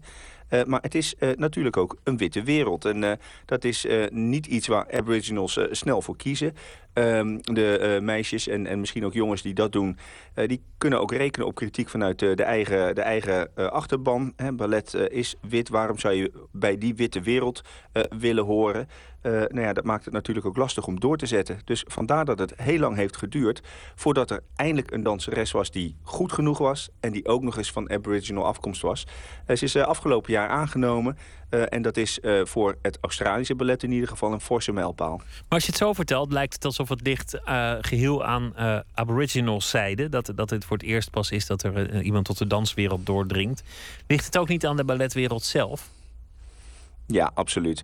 Kijk, um, het, het, is natuurlijk een kwestie van vraag en aanbod. Um, uh, natuurlijk is het zo dat uh, het verschrikkelijk moeilijk is om professioneel balletdanser te worden. Uh, er zijn nou een keer minder aborigines die op ballet zitten. Dus er zullen er ook minder zijn die die absolute top halen. maar aan de andere kant, ja, er zijn genoeg um, balletgezelschappen die er toch voor kiezen om een, een wit gezelschap te blijven. Uh, vooroordelen spelen daarbij natuurlijk een belangrijke rol. Uh, mensen hebben, en dan heb ik het niet alleen over artistiek directeur hoor, maar ook over het publiek, die hebben een duidelijk beeld bij hoe een, uh, een balletdanseres eruit uit hoort te zien. Een, een stervende zwaan is een fragiele, blanke vrouw. Sterker nog, uh, ja, er zijn uh, genoeg mensen die vinden... dat uh, die balletdanseressen sowieso niet te veel van elkaar moeten afwijken. Want dat leidt namelijk alleen maar af. Dus geen danseressen met, met rood haar, geen afwijkend lichaam... geen andere huidskleur. Um, er zijn trouwens wel andere gezelschappen die daar heel anders over denken. Want uh, het theaterpubliek wordt natuurlijk wel steeds gemengder. Uh, natuurlijk wil men ook dat segment van de markt aanspreken. Uh, dus er zijn er gezelschappen die juist specifiek op zoek zijn naar balletdansers met een andere huidskleur. Maar ja, die komen maar mondjesmaat door. Ook al zijn er verschillende projecten om juist die dansers te stimuleren. Ella Havelka was haar naam, toch? Ja, klopt, ja, inderdaad. Die heeft zij, het, komt ja, vertel. uit de omgeving. Ja, ze komt um, uit wat in Australië um, uh, niet, nog niet de Outback wordt genoemd hoor. Maar um, dat is toch al, al een behoorlijke landelijke omgeving. Haar moeder was een verdienstelijk atlete. En um, die kwam, brak eigenlijk niet door omdat het uh, de familie ontbrak aan geld en aan mogelijkheden. En toen haar dochter... nou ja, eigenlijk... Was, heeft die moeder van meet af aan gezegd... het maakt mij niet uit wat we ervoor over moeten hebben... Maar wij uh, gaan, het, uh, we gaan alles opzij zetten om jouw droom waar te maken. En uh, vandaar dat de familie is verhuisd. En die moeder is, is, is, meegegaan. En dat is misschien wel een van de geheimen achter het feit dat deze balletdanseres is doorgebroken. Het feit dat haar familie haar zo gestimuleerd heeft. En dat is iets wat um, vanuit aboriginal uh, perspectief ook lastig is. Want verhuizen, uh, het verlaten van, van land en van familie, ja, dat is toch altijd lastig. We zijn inmiddels overgeschakeld naar een, eh, een andere lijn, een iets, iets mindere lijn. Want uh, de, de eerste lijn die deed het niet ontzettend goed. Het is ook een hele lange lijn naar Australië natuurlijk. Nog een ander onderwerp over uh, Aboriginal uh, kunst. Een, een, een relletje, want Er zijn schilderijen vertoond in Adelaide aan een publiek waarvoor ze niet bestemd zouden zijn. Wat, wat is dat voor uh, gebeurtenis? Ja, dat klopt. Ja, dat klopt inderdaad. Uh, dat is een expositie waarbij um, verschillende schilderijen van aboriginals werden vertoond. Maar bij die aboriginal kunst is het eigenlijk zo dat de traditionele schilderijen um, niet zozeer een, um, een, een, plaatje voorstelden, maar dat er vaak betekenissen achter zaten. En bij de aboriginal cultuur uh, is het zo dat die betekenissen lang niet voor iedereen bekend zijn. Sterker nog, je moet een bepaalde status hebben voordat je dat mag bekijken, voordat je dan vervolgens ook nog eens uitleg krijgt wat het dan precies betekent allemaal. En na jarenlange onderhandelingen was uh, overeengekomen om een aantal van dat soort werken toch maar tentoon te stellen in Adelaide. En op het moment dat die tentoonstelling eindelijk van start ging, uh, ontstond er toch een hele hoop onrust binnen de, de gemeenschap. Men vond dat dat eigenlijk toch niet zo hoorde en dat het eigenlijk niet mocht. Uh, vandaar dat men uh, ja, de werken terugtrok, dat er een hoofdruzie was. en ja, dat de paar mensen die het wel hebben gezien, nou ja, die mogen van geluk spreken dat ze in ieder geval de werken hebben kunnen zien. Maar ja, ze begrijpen natuurlijk niet wat er precies op staat. en de, um, de stamoudsten, die uh, toch wel ophef maakten achteraf, ja, die waren bepaald niet blij met het feit dat er toch nog mensen waren voor wiens ogen niet bedoeld was, die toch die schilderijen konden zien. Want eigenlijk moet je naar zo'n schilderij toegroeien. Je bent op een gegeven moment pas rijp om, om dat schilderij te zien. Je moet uh, naar een niveau hoger komen en dan uiteindelijk mag je het meesterwerk zien. Ja, nou, ik, ik, moet eerlijk zeggen dat ik natuurlijk niet weet wat de, wat de betekenis achter die schilderijen is. Maar heel vaak heeft het te maken met uh, de, de dreaming time, zeg maar even de ontstaansgeschiedenis. Uh, hoe uh, is ons land ontstaan? uit wat voor elementen bestaat het? Welke verhalen horen daarbij en welke betekenis hebben die? Um, en um, bij heel veel aboriginal stammen werkt het eigenlijk zo dat de cultuur een soort van ja, ui is die je moet afpellen. Er is telkens een nieuwe laag. Dus als wij kijken naar dat schilderij zeggen ze, kijk, dat is uh, rood en geel en dat uh, is een berg en dat is een waterput. Maar als je dan um, uh, een, een, laagje verder bent, je hoort bijvoorbeeld bij de stam of bij de familie en je bent volwassen, ja, dan krijg je te horen wat ook alweer de achtergrond was bij die waterput of wat ook alweer het verhaal was achter de, het gebruik van die kleuren. als je nog verder komt en je bent een stamoudste, ja, dan krijg je nog meer, weer meer te horen. Dus er zit veel meer in die kunstwerken dan dat wij in ieder geval kunnen zien. Uh, maar ja, uh, je moet dus wel degelijk inderdaad een bepaalde status hebben om het ook daadwerkelijk te begrijpen. En daarom mag het niet zomaar aan de muur hangen, hoe goed bedoeld ook uh, bij een expositie. Robert Portier, dankjewel. Een, een goede dag daar. Maak er, maak er wat van, veel plezier. En graag tot de volgende keer. We gaan luisteren naar uh, de Puerto Ricaan Gabriel Rios. Hij woont in Gent. Al jaren geleden brak hij door met Broad Daylight. Het was alweer in 2006. Hij heeft daarna uh, nog meerdere albums gemaakt, hoewel het toch een klein beetje stil was. Afgelopen maand bracht hij, uh, of afgelopen jaar bracht hij iedere maand een nieuw nummer uit. En dat is uiteindelijk een CD geworden. We gaan luisteren naar een liedje daarvan en dat heet Skip the Intro.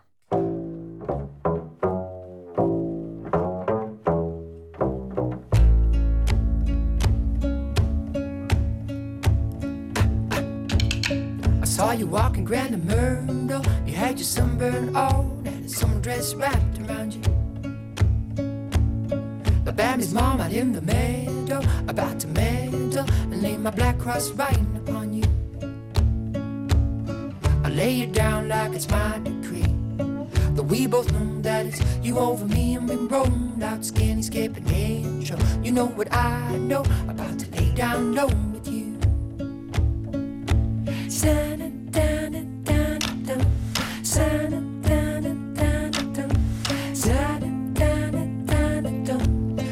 make my entry through your shadow. Your tail will rattle. The birds will scatter and leave me with you. I know you must be someone's daughter. Not about to bother. Cause you don't know that you're waiting for me. No, there's nothing wrong with me. Just want you right here, breathing next to me. And we roll out skinny, skipping intro. You know what I know about to lay down low with you.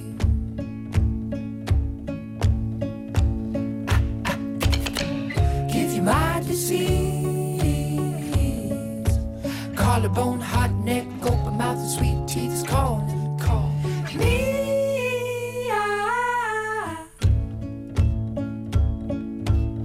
We're moving like it isn't Outside is sunny, inside we're making a storm out of you. I leave the knife right in the honey. This isn't money, but we're just richer than anybody else. And everybody else was trying to break into love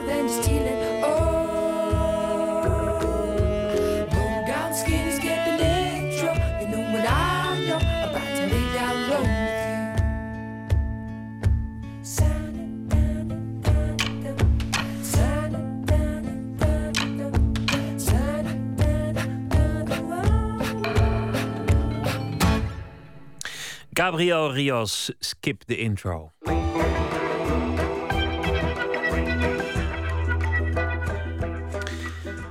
Hele boekenkasten zijn erover volgeschreven, hele studies zijn eraan gewijd. De films van Alfred Hitchcock. In het Filminstituut AI in Amsterdam is deze zomer een retrospectief te zien van zijn werk. Inclusief een uitgebreide cursus waar u kunt leren kijken naar de Master of Suspense. U dacht bijvoorbeeld misschien wel dat in de meeste van zijn films iemand vermoord zou worden. Fout.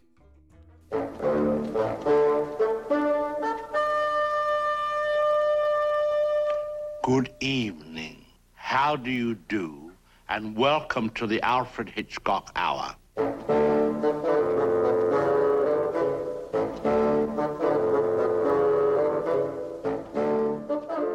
Wat opvalt is, ik heb deze films vroeger al heel, allemaal gezien. Ik heb ze ehm, tussendoor nog wel regelmatig bekeken. En ik heb ze nu opnieuw weer bekeken voor deze cursus. En dan valt op dat ze ongelooflijk actueel zijn. Strange how old fashioned ways are sometimes best. Al die films, er is geen één gedateerd. Je zit nooit te kijken van, wat, dat is ooit in het verleden leuk geweest, maar nu niet meer. Het is nog steeds actueel, interessant, eh, boeiend, goed gemaakt eh, en fascinerend. We are broadcasting my portion of this evening's program by radio instead of television. In radio, sound is a rather important ingredient. When it does not exist, it is manufactured. For example,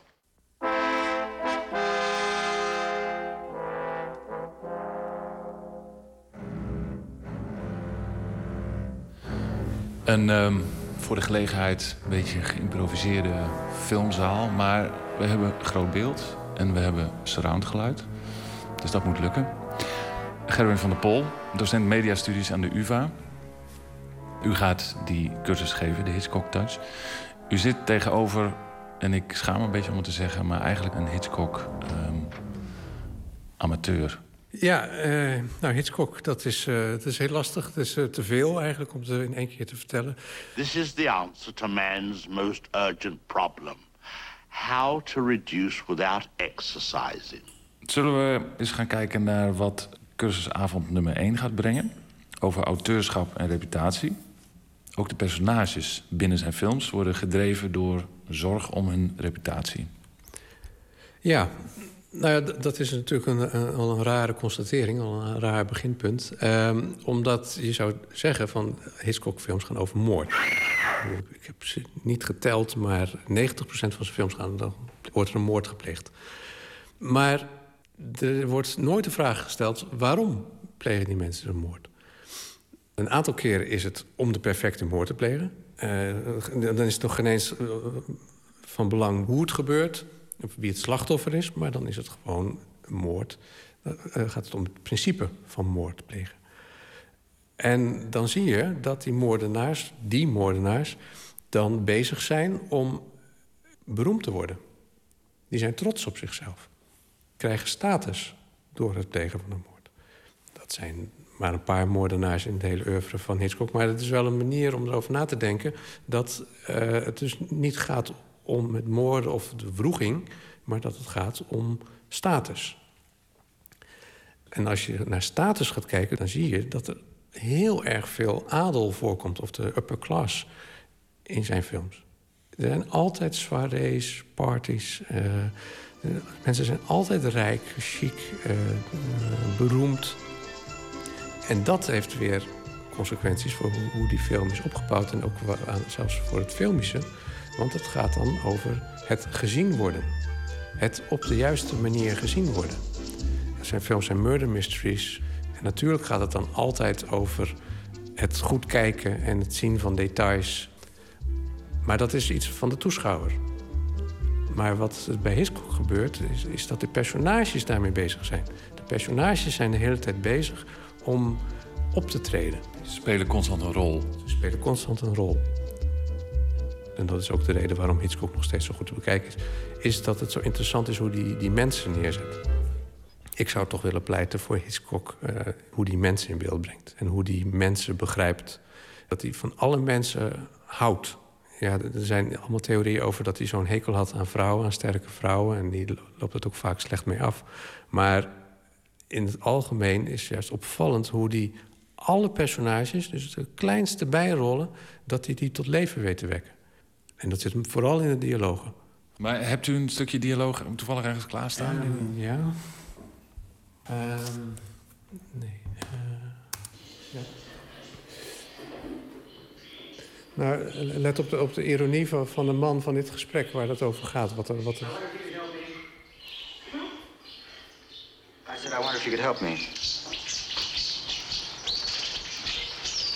Yes, what is it you're looking for, sir? Lovebirds. Lovebirds, sir? Yes, I understand there are different varieties. Is that true? Oh, yes, there are. Well, uh, these are for my sister for her birthday, you see, and uh, as she's only going to be 11, I, I wouldn't want a pair of birds that were too demonstrative. I understand completely. Uh, at the same time, I wouldn't want them to be too aloof either. No, of course. Ja, het is een hele simpele scène. Het is het begin van uh, de Birds. Melanie uh, kom, komt daar binnen, wil een vogel uh, bestellen. Heeft een vogel besteld, komt ophalen. Is er niet. Een simpel gesprek met de vrouw achter de balie. Komt er een man binnen die zegt ook dat hij een vogel wil hebben. En die denkt dat zij de verkoopster is op het moment dat de echte verkoopster weg is. Ze had ook kunnen zeggen, ik ben niet de verkoopster... maar even wachten op de verkoopster. Die komt er direct weer aan. Maar zij gaat doen alsof. Nou, blijkbaar is dat dus voor mensen heel belangrijk... als ze op een bepaalde manier worden aangesproken... om dan ook die rol te vervullen. Nou, dat is dus typisch iets wat bij Hitchcock gebeurt. Je wordt de hele tijd aangesproken op de rol die mensen denken dat je zou moeten hebben. Dat is ook het hele idee van de, de upper class. Die hebben een bepaalde status en die wensen daarop aangesproken te worden. Maar dat bepaalt ook wat zij moeten doen. Doesn't this make you feel awful? Doesn't what make me... Having all these poor little innocent creatures caged up like this. Well, we can't just let them fly around the shop, you know. no, I suppose not. Ja. Ik stel voor dat we naar uh, cursus nummer 2 gaan. Kinderen, dood en leven. Waarom is dat uh, een complete cursusavond waard? Kijk, als het over moord gaat, dan kan je ook nadenken van nou ja, het tegenovergestelde van dood is ook het begin van het leven. Dat is dan geboren worden, kinderen. En zo zijn we dus na gaan denken over wat, wat doet hij nou eigenlijk met kinderen. Dan kom je tot de vreemde ontdekking dat uh, kinderen helemaal. Nou, heel, een aantal keren komen ze voor spelende kinderen inderdaad. En dat klopt wel met uh, kinderen en begin van leven, enthousiasme niet gereguleerd zijn. Maar zodra kinderen interactie hebben met een uh, personage, dan blijkt dat ze allemaal geen kind zijn. Ze zijn volwassenen in een kindlijf. Het zijn de meest serieuze personages in zijn films. Mrs. Henderson. Mother isn't home yet. A telegram? Well, I don't see a pencil, so maybe she better call you back. I'm trying to keep my mind free of things that don't matter. Because I have so much to keep on my mind. Innumerable things. I'll have her call back. Thank you for calling. Goodbye. Eh, het, het gaat erover, eh, een meisje neemt de telefoon aan uh, in Shadow of Doubt. En gewoon de manier waarop ze praat met die volwassenen... is het tegendeel van wat je van kinderen zou verwachten. Ze is zelfs superieur aan de telefoniste. Ze is ook heel intelligent, blijkt ook later dat ze ongelooflijk veel gelezen heeft. En ze praat ook vanuit die kennis. Van ik weet alles al en ja, wat valt daar nog aan toe te voegen? Dus, dus er is geen plezier meer. Er is ook een heel mooie scène. Dan krijgt ze van uh, oom Charlie krijgt ze een uh, pop. En dan kijkt ze ernaar echt totaal verbolgen en boos... dat zij als meisje, klein meisje, een pop krijgt. Want dat is niet wie zij is. Want zij zou een boek hebben moeten krijgen of iets volwassens. Zij is daarin exemplarisch voor in het algemeen kinderen in Hitchcock-films. Ja. Heel veel, opvallend veel kinderen eh, zijn niet uh, kind. En die zijn gewoon volwassen. En die moeten dus al een rol vervullen als volwassenen. Dus die hebben al te maken met dat probleem waar al die Hitchcocks over gaan. Namelijk over het feit dat je gedwongen wordt in een bepaald corset en daaraan moet voldoen. Maar u begon te vertellen dat als tegenhanger van de dood verwacht je dan uh, uh, het, het jonge, onschuldige kind, het begin van nieuw leven. Maar wat, waarom laat hij dat dan weg? Waarom vult hij dat dan in als een, toch een oude ziel?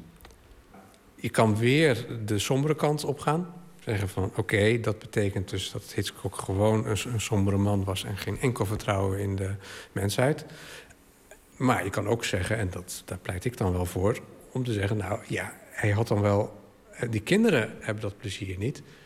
Maar dat kinderlijke plezier, dat is nou juist wat er in de hoofdpersonages optreedt. En de, vooral de mannelijke personages is dat ze zoveel plezier hebben. Maar ironie. Dat is een andere vorm van plezier dan kinderlijk plezier. Maar je zou best wel kunnen beweren dat dat in ieder geval dat kinderlijke plezier er gesublimeerd is in een volwassen ironie.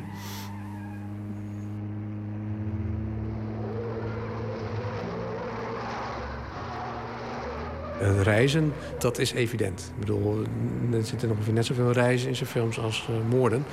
Maar de vraag is wel, wat, wat doen die reizen dan? Wat, wat, wat, wat, is daar de functie van? Eigenlijk heeft het te maken met, met status. Status en etiketten, dat is hoe de dingen zijn. En uh, dat is dus vast. Iedereen zit vastgebakken op zijn plek. En dan gaat er iets mis. Uh, in dit geval is het een uh, diefstal, maar meestal is het een moord. En dat, die, dat, dat misdrijf dat zorgt ervoor dat mensen op de vlucht slaan. Reizen bij Hitchcock is altijd op de vlucht slaan.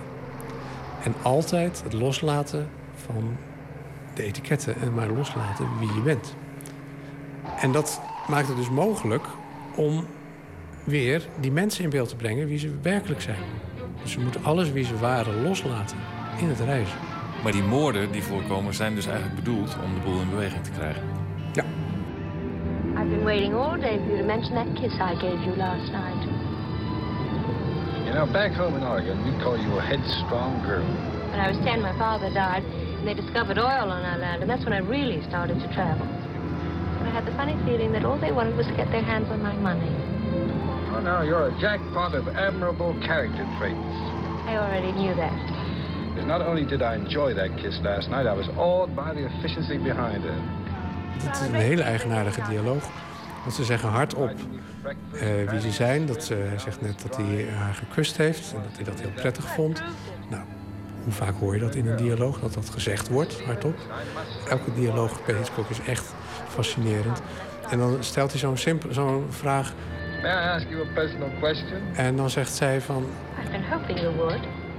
Nou, als ik het nu zo zeg, dan, als je het nu zo uitschrijft, dan denk je dat werkt niet. Want dan antwoordt niemand van, nou ik hoopte al dat je dat ging doen. Ondenkbaar. En bij Hitchcock denk ik, ja, dat is geweldig.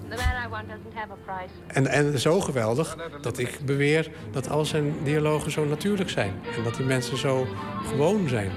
Terwijl als je erover gaat nadenken, over al zijn dialogen, dan zijn ze heel erg knap geconstrueerd.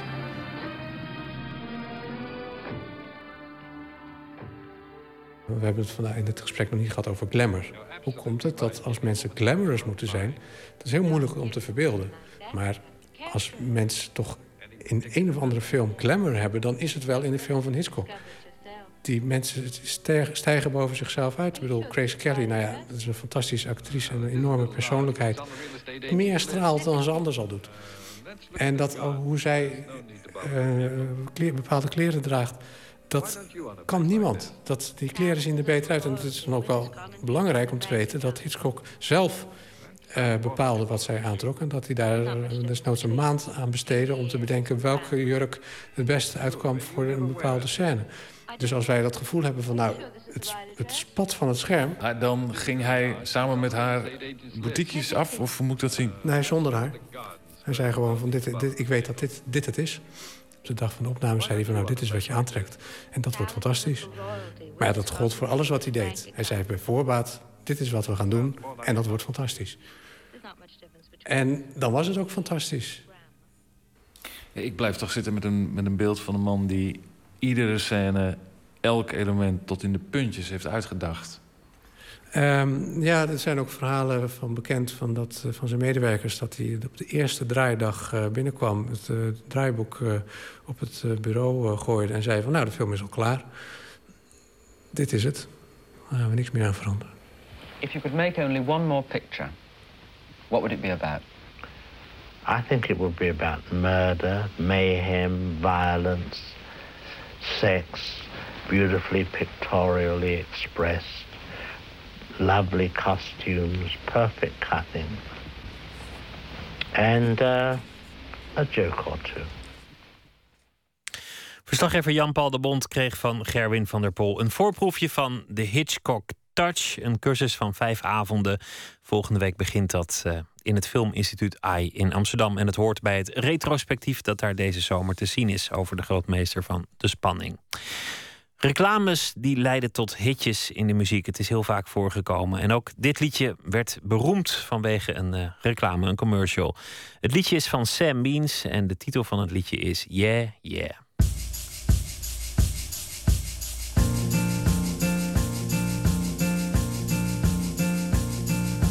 Today was the day that I put everything in perspective. I fell asleep, when I woke up Everything changed and the skies turned off, but that was before. That was before. He came along and he turned me on with a little bit of love and a little bit of yeah, yeah.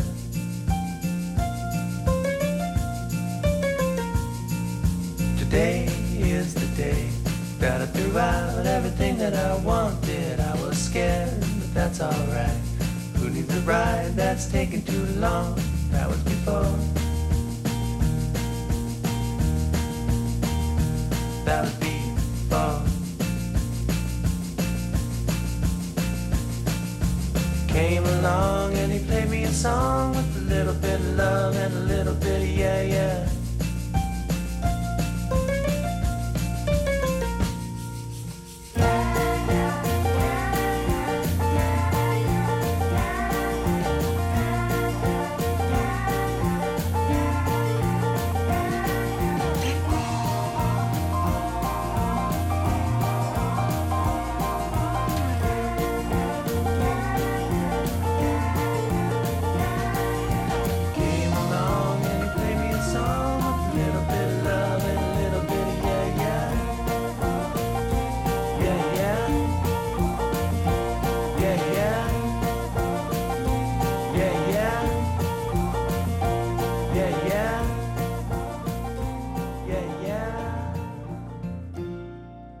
Sam Means met het nummer Yeah Yeah. En zo kwamen we aan het einde van deze aflevering van Nooit meer slapen. Morgen zijn we er weer na middernacht.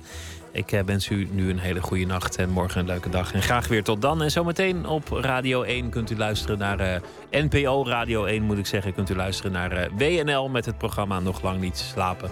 Of nog heel lang wakker. Of in ieder geval naar WNL. Ik wens u een goede nacht.